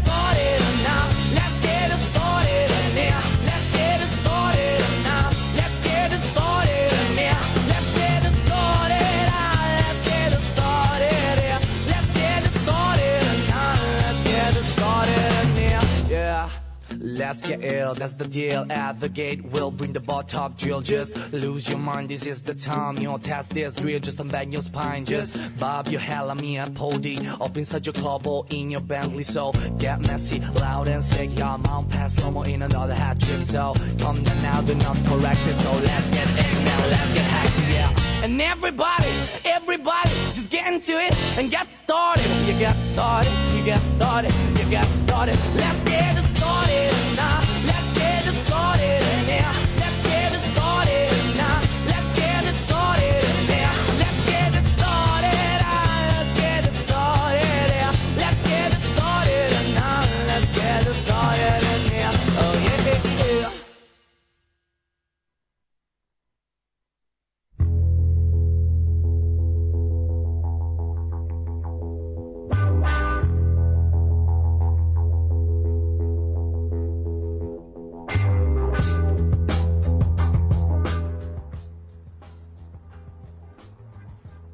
Evo nas nazad. Uh, da, pričao sam sve što se desilo. Uh, evo da, stigla je jedna zanimljiva, zanimljiva poruka, a to je da uh, pazarci su, da, to nisam napomenuo, Uh, pazarci su potpisali novi novi sponzorski ugovor, a u meču protiv Voždovca su nastupili u dresovima koji su svojim dizajnom kojim svojim dizajnom podsjetio na a, dres, a, ne podsjetio nego gotovo identičan dres Atletico Madrida, jel te linije tako lelujave, ovaj iskrivljene, tako da eto zanimljivo je i lepo vidjeti da se naši naši klubovi ovaj ugledaju gledaju na na najveće najveće svetske pa i evropske evropske klubove. Evo pozdrav za našeg dragog Darka. Ovaj Darko se javlja ovaj sa Alpa. Da, kaže žena mi je napokon kući pa me bolje da stisnete rec dugme. Rec dugme je stisnuto, dragi moj Darko, snima se evo već sati 40 minuta, tako da ne brineš. Uh, zanimljivo je u Kruševcu, to svakako pratimo. Uh, borbeni su jedni drugi, napada napredak i blizu je, ponovo je Careć bio na mukama, ali za sada ostaje 1-0 za uh, ekipu Vojvodine. Prinudna izmena je a, evo upravo se vrši u 37. minutu iz igre ilazi Aleksandar Busnić, a ući će Radomir Milosavljević. Busnić se žali na povredu i ne može da nastavi nastavi ovaj meč. A, pardon. A, idemo na tabelu, idemo na tabelu pa ćemo se baviti pričom o a, mladim igračima i tabela je svakako i najava narednog kola. A, ovako, što se tiče tabele, znači nakon sada nepotpunog uh, 16. kola imamo ovakvu situaciju. Znači Crna zvezda i Partizan imaju još jedan taj zaostali meč da odigraju, još uvijek se ne zna tačan termin odigravanja. Uh, ali ovakva je situacija. Crvena zvezda je prva sa 41 bodom, Partizan je drugi sa 34, TSC je treći sa 33, Čukarički je četvrti sa 30, Novi Pazar je peti sa 27, A, Vojvodina je trenutno, ako zabeleži pobedu u Kruševcu, biće šesta sa 26 i biće na bod samo Novom pazaru. Novi pazar je u seriji od tri nerešena rezultata i a, zaista je onako skliznuo, skliznuo sa tog a, mesta gde su bili su jako, jako visoko. A, Voždovac sedmi sa 24 i Radnički iz Kragujevca prvi put ove sezone u top 8, 21 bod. Zaista su ljudi u pet meča vezali četiri pobede i jedan poraz od Crvene zvezde, što je zaista jako, jako lep rezultat. A, kada bi se pravio presek uh, ovako bi izgledao play-off znači partiz, Zvezda Partizan TSC Čukarički Novi Pazar Vojvodina Voždovac Radnički uh, pa dobro zanimljivo poprilično zanimljivo. Uh, dalje deveto mesto Kolubara 19 napredak uh, 10 sa 17 kažem sve ukoliko ostanu poraženi tačnije ukoliko ostane ovakav rezultat i budu poraženi. Radnički iz Niša Lalatović ih je podigao mora se priznati malo i evo ih sada na uh, 11. mestu sa 16 bodova, Spartak je 12. sa 14 ima i Spartak dva lepa rezultata iza sebe, ali i tri poraza pre toga.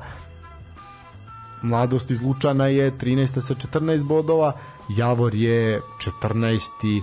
sa 13 bodova i nakon eto četiri uzastopna poraza uzeo je bod Partizanu bod koji će im biti bitan za opstanak kako stvari stoje. Mladost Gat je 15. sa 13 bodova i eto jako je blizu i sad se vidi da će tu glavna borba za opstanak biti Spartak, Mladost, Javor i Gat. Znači dve Mladosti, Javor i Spartak će se boriti za opstanak.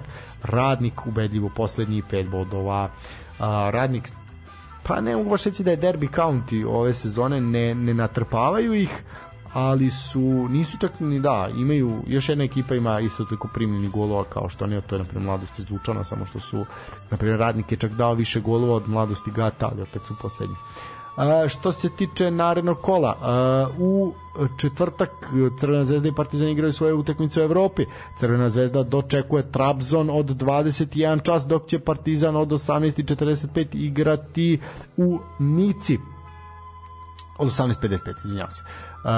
E sad, što se tiče što se tiče narednog kola, uh, kao što sam rekao, tu je sad uh, još uvek pitanje, samo da ja vidim da li mi tu imamo uh, da li mi tu imamo i zvanična vremena, bilo bi jako lepo da ih imamo. Uh, dobro, Rubežić žali na da ovo igra rukom, a igra čovjek ramena, mislim, ne, ne može se ništa reći tu na, na, toj, na tome.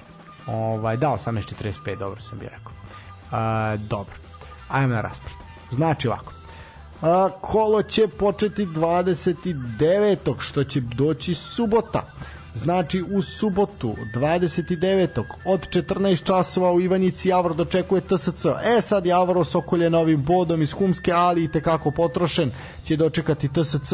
Mislim da je ovde TSC apsolutan favorit i da ovde sve sem pobede TSC-a mm, onako je popriličan problem, tako da ću staviti TSC dvojka. To je 14 časova od 16 časova Čukarički Novi Pazar. E, ovo je jako zanimljivo. Ova utakmica je jako zanimljiva. Dušan Kerkez i Damir Čakar će e, ukrstiti, ukrstiti koplja. E, poprilično zanimljiva utakmica jedna od zanimljivijih u, u ovom kolu. E, mislim da je Čukarički ovde ipak u prednosti, ali ću reći 3+. Plus. E, vreme da Badamosi ponovo malo zatrese mrežu, rekao bih. E, može biti golova i ako ste u subotu na Banom brdu ili negde u blizini, svratite do stadiona, zaista ćete imati šta da vidite. E, Voždovac napredak, utakmica od 18 časova. Voždovac napredak, utakmica od 18 časova. Uh, dosta ovde sad zavisi u kakvom raspoloženju će napredak doći nakon ove utakmice sa Vojvodinom. Napredak se muči u gostima, Uh, mislim da će ovde Voždovac ostati neporažen. Uh, biće ovo tvrda utakmica sigurno, uh, biće malo golova, ali verujem da Voždovac može da ostane neporažen. Uh, u subotu od 20 časova uh, imaćemo Novosadski derbi drugi put ove sezone uh, Vojvodina Mladost znamo da je u prvom duelu Vojvodina a, bila ubedljiva mnogo ubedljiva, čak i ubedljivija nego što je nego što je to samom igrom pokazala i ovo je jako lepa šansa da Vojvodina dođe, dođe do sva tri boda i mislim da tu nema priče da to more da urade. A, to je što se tiče 20 časova, eto ako bude lepo vreme u Novom Sadu, a, zaista se možete uputiti put Karadžođa i uživati u ovom duelu, ja verujem da ja svakako hoću. A, što se tiče a, nedelje, Nedelja 13 časova Subotička, oh, pardon, uh, Surdulička bombonjera će dočekati Spartak i Subotice. Uh, uf, evo, du, duel direktnih davljenika s tim da ovde apsolutna predno. Ha, da, da. ja ću reći gol, gol. Verujem da ovde obe ekipe mogu i moraju do gola. Um, mladost radnički ova mladost iz Lučana će u, 3, u 15 časova dočekati radnički iz Kragujevca e, pa ja ću ovde isto reći isto reći gol gol znači Lučan, nadam se da će biti, biti golova. Od 17 časova Kolubara u Lazarevcu dočekuje Crvenu zvezdu. E, sada vidimo. A, Kolubara na svom stadionu bila je nalupana od strane Partizana, da li može da popravi utisak protiv Crvene zvezde? A, nije to bilo dobro. Protiv Partizana, bog me nije bilo ni protiv Crvene zvezde u tom prvom prvom susretu, ali ajde vidimo sad, ali naravno sve sem dvojke je suludo. I onda poslastica, krem de la krem, Partizan Radnički Niš od 19 časova na stadionu u Humskoj. Skandiraće se Nenadu Lalatoviću. A, pa nema šta ovde Partizan Partizan uh, mora mora do 3 boda i mislim da će bići Keci 3 Keci 3 plus uh, znači ovako to je 17. kolo na, pla, uh, na planu i programu uh, imamo uh, 18. kolo znači 5. 5. novembra, zatim će Crvena zvezda odigrati utakmicu uh, sa Čukaričkim u tom međuprostoru, pa ćemo imati uh, i uh, poslednje, pos, tu će i Partizan igrati sa Spartakom i onda ćemo imati uh, taj poslednji poslednji susret za ovu sezonu, a to je 13. 13. novembar, tu će se spustiti zavesa na Superligu za ovu 2020.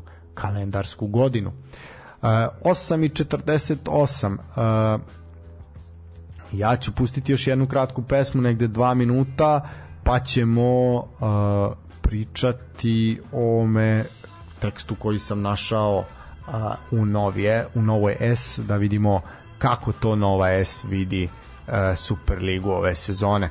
Da vidimo kako to jedan list koji se zaista ne bavi puno domaćim futbalom malo ovaj prezentuje javnosti kakve su izgledi izgledi u Superligi i šta se dešava u nekom preseku dosadašnjeg dela sezone.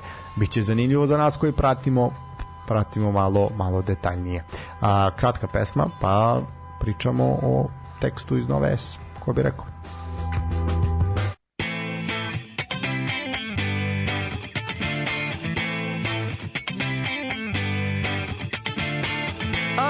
at parties in a deadly silhouette. She loves the cocaine, but cocaine don't love her back. When she's upset, she talks to Maury and takes deep breaths. She's a 90s supermodel.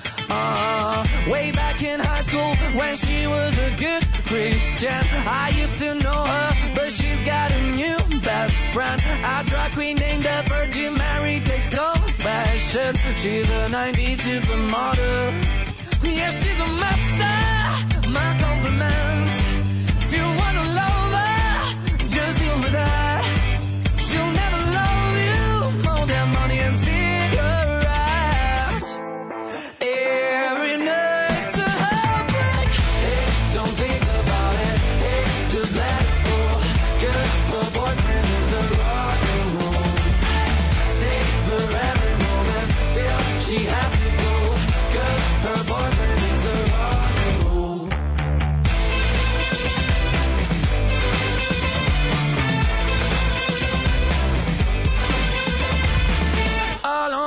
Parties, she's working around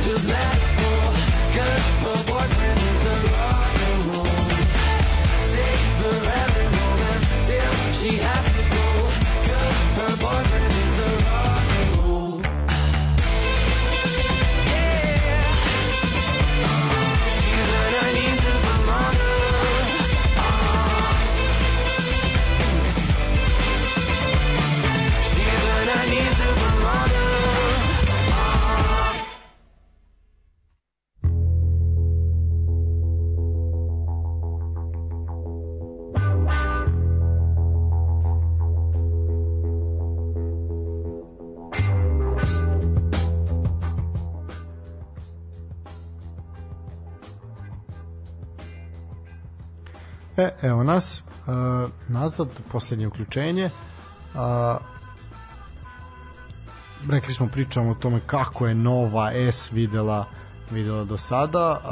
Uh, imamo dve vesti zapravo prokomentarišemo uh, da su uh, Zvezda i Partizan i dalje uh, među vodećim fabrikama uh, futbalera u Evropi. Uh, iako je Partizan dugo, dugo godina bio na drugom mestu, sada je prilično opao, sada se nalazi na čak na šestom. Ispred njega su Ajax, Benfica, Dinamo Kijev, Dinamo Zagreb, Šahtor Donetsk, pa onda ide Partizan, Real Madrid, Crvena zvezda, Barcelona i Sporting. Partizan ima 63 igrača za prve lige Evrope, a Partizan uh, 60 Uh, eto, i dalje se proizvode talenti, sve ne u takvom broju, ali su, su tu. Naravno, naša najdraža futbolska observatorija i švajcarske CIS e, ili CAIS ili kako god, ovaj nismo je pročitali ni jedan po do sada kako treba.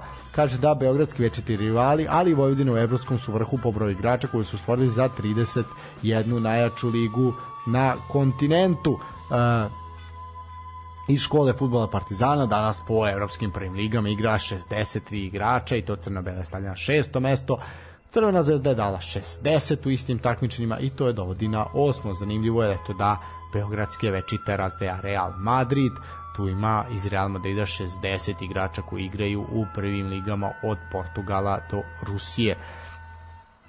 Na prvom mestu i dalje Ajax koji opravdava zvanje najbolje škole futbala u Evropi sa 85 igrača, zatim Benfica sa 73 na drugom mestu i Dinamo Kijev na trećem sa 72.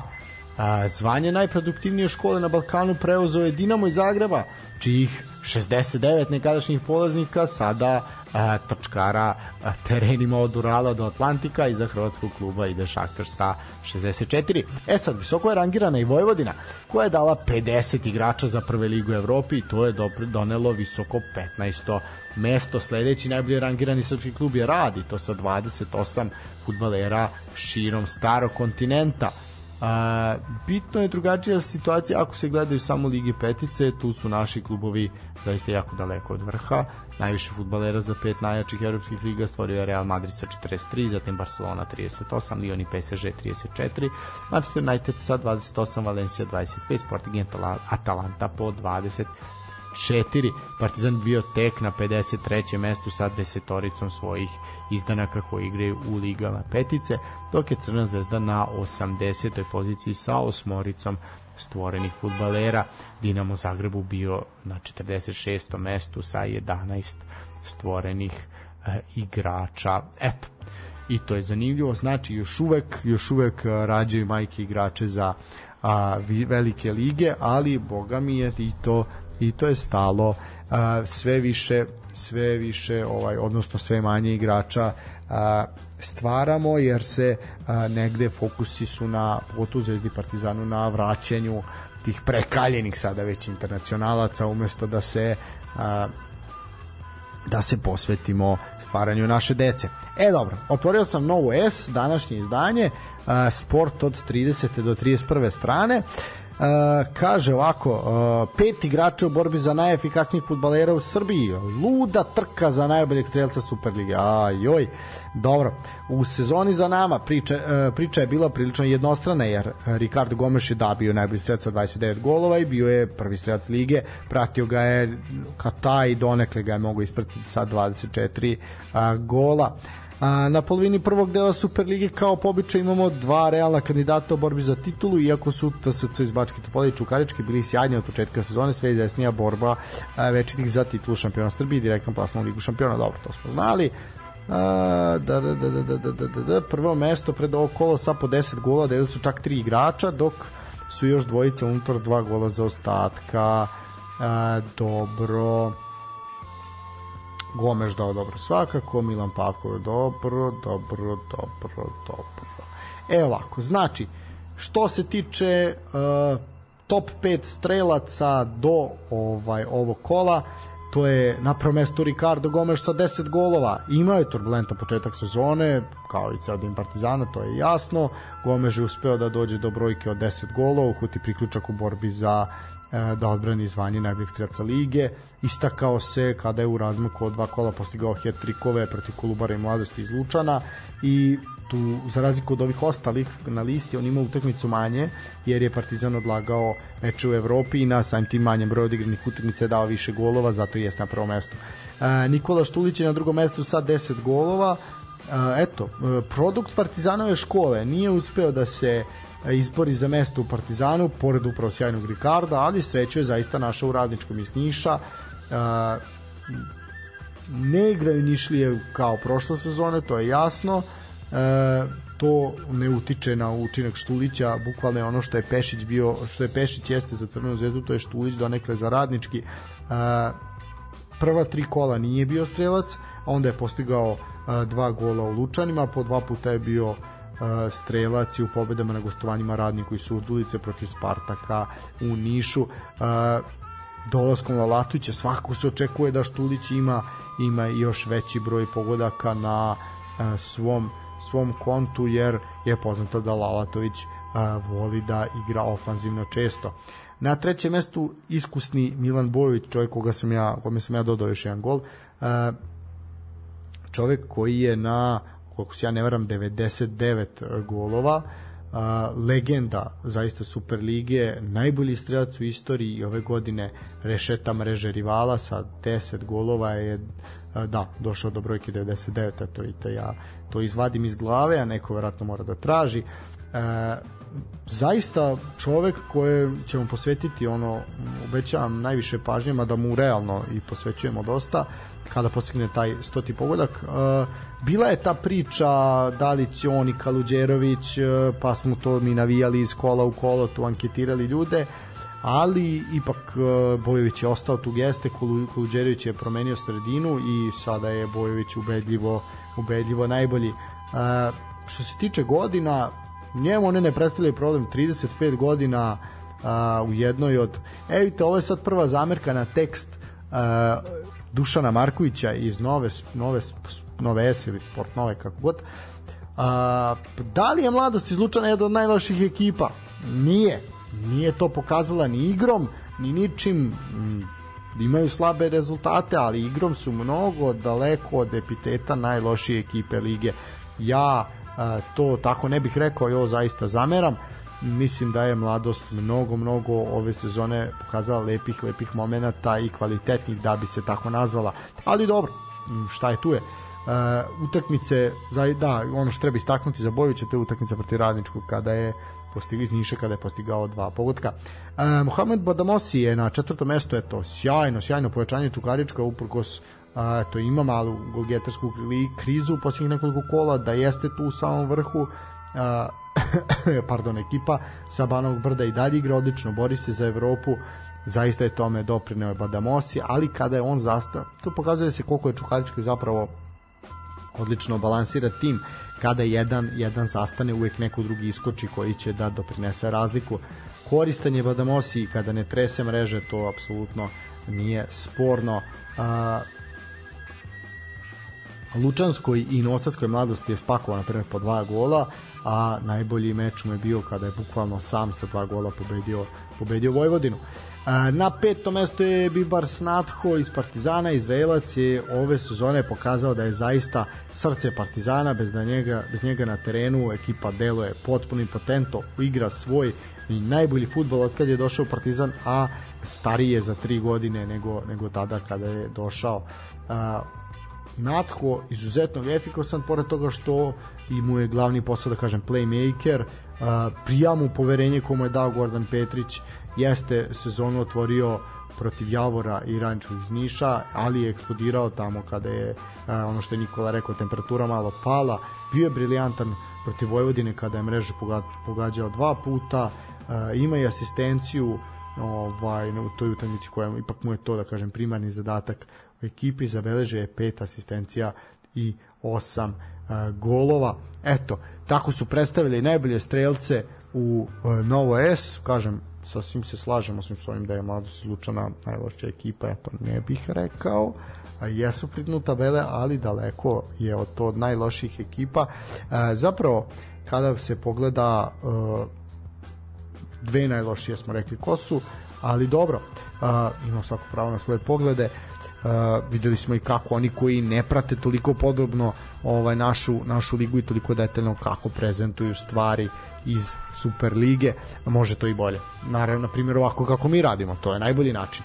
Uh, 9.02, 21 čas je, uh, ja sam ušao u 2 sata priče, bilo je tu i muzike, bilo je eto tako nekih vesti sa strane. Ja sam očekivao da ću pustiti mnogo više muzike, ali se ispostavilo da sam pustio svega par pesama, što opet meni za editovanje dobro, a vama ne toliko jer ste morali da slušate moj glas, ali oni koji su uživali čestitam, oni koji će tek uživati, čestitam i vama jer ćete imati konačno ovaj, tu offline verziju.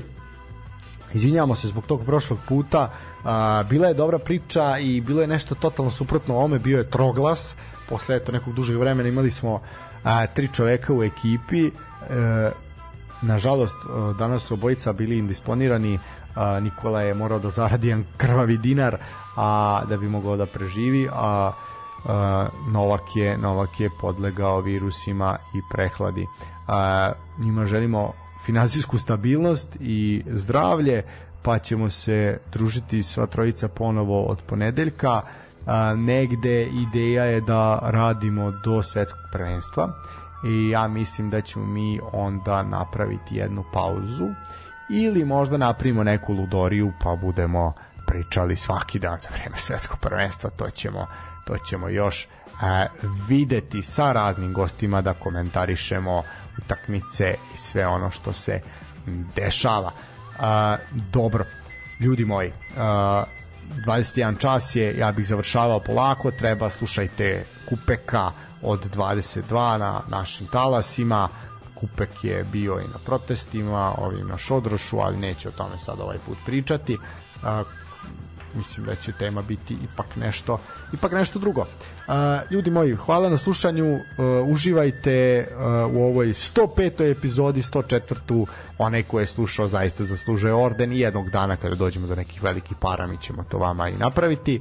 Uh, do tada ostajte zdravi, čuvajte se, jesu, jesu ružna, ružna i teška vremena, ali čuvajte svoje mentalno zdravlje, još uvek je mesec oktobar, još uvek vlada akcija na sve strane da se dame pregledaju, da se vodi se računa o toj borbi, posvećuje se tome pažnja, ali ja vas molim da i ono što ćemo svakako i mi doprineti, a to je da a, ta borba ne prestane 31. 31. oktobra, nego da se ona nastavi tokom cele godine, jer i jedna jako, jako lepa kampanja je bila a, to jedno, jedno gledanje na TikToku zameni, zameni za samo pregled, jer zaista može da ti spasi život i može da te na vreme otkriveno može zaista da, da bude jako, jako bezbolno, kako psihički, tako i fizički, što se duže čeka. Nemoj se plašiti, nije, nemoj da bude tabu, uh,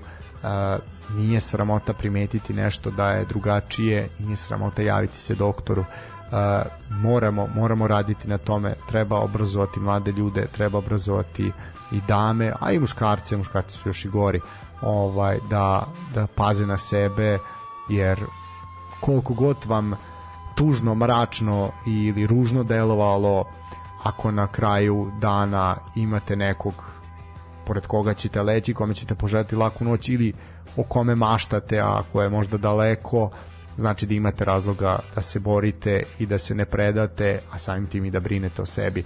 Ovo moralnom porukom možda i najboljim stvarima što sam rekao večeras, ja se odjavljujem za ovo 105. izdanje, ljudi, laku noć, uživajte, čućemo se narednog ponedeljka, ovaj put smo sve snimili, ovaj put je dokazano da smo radili. E, uživajte, laku noć, čujemo se narednog ponedeljka.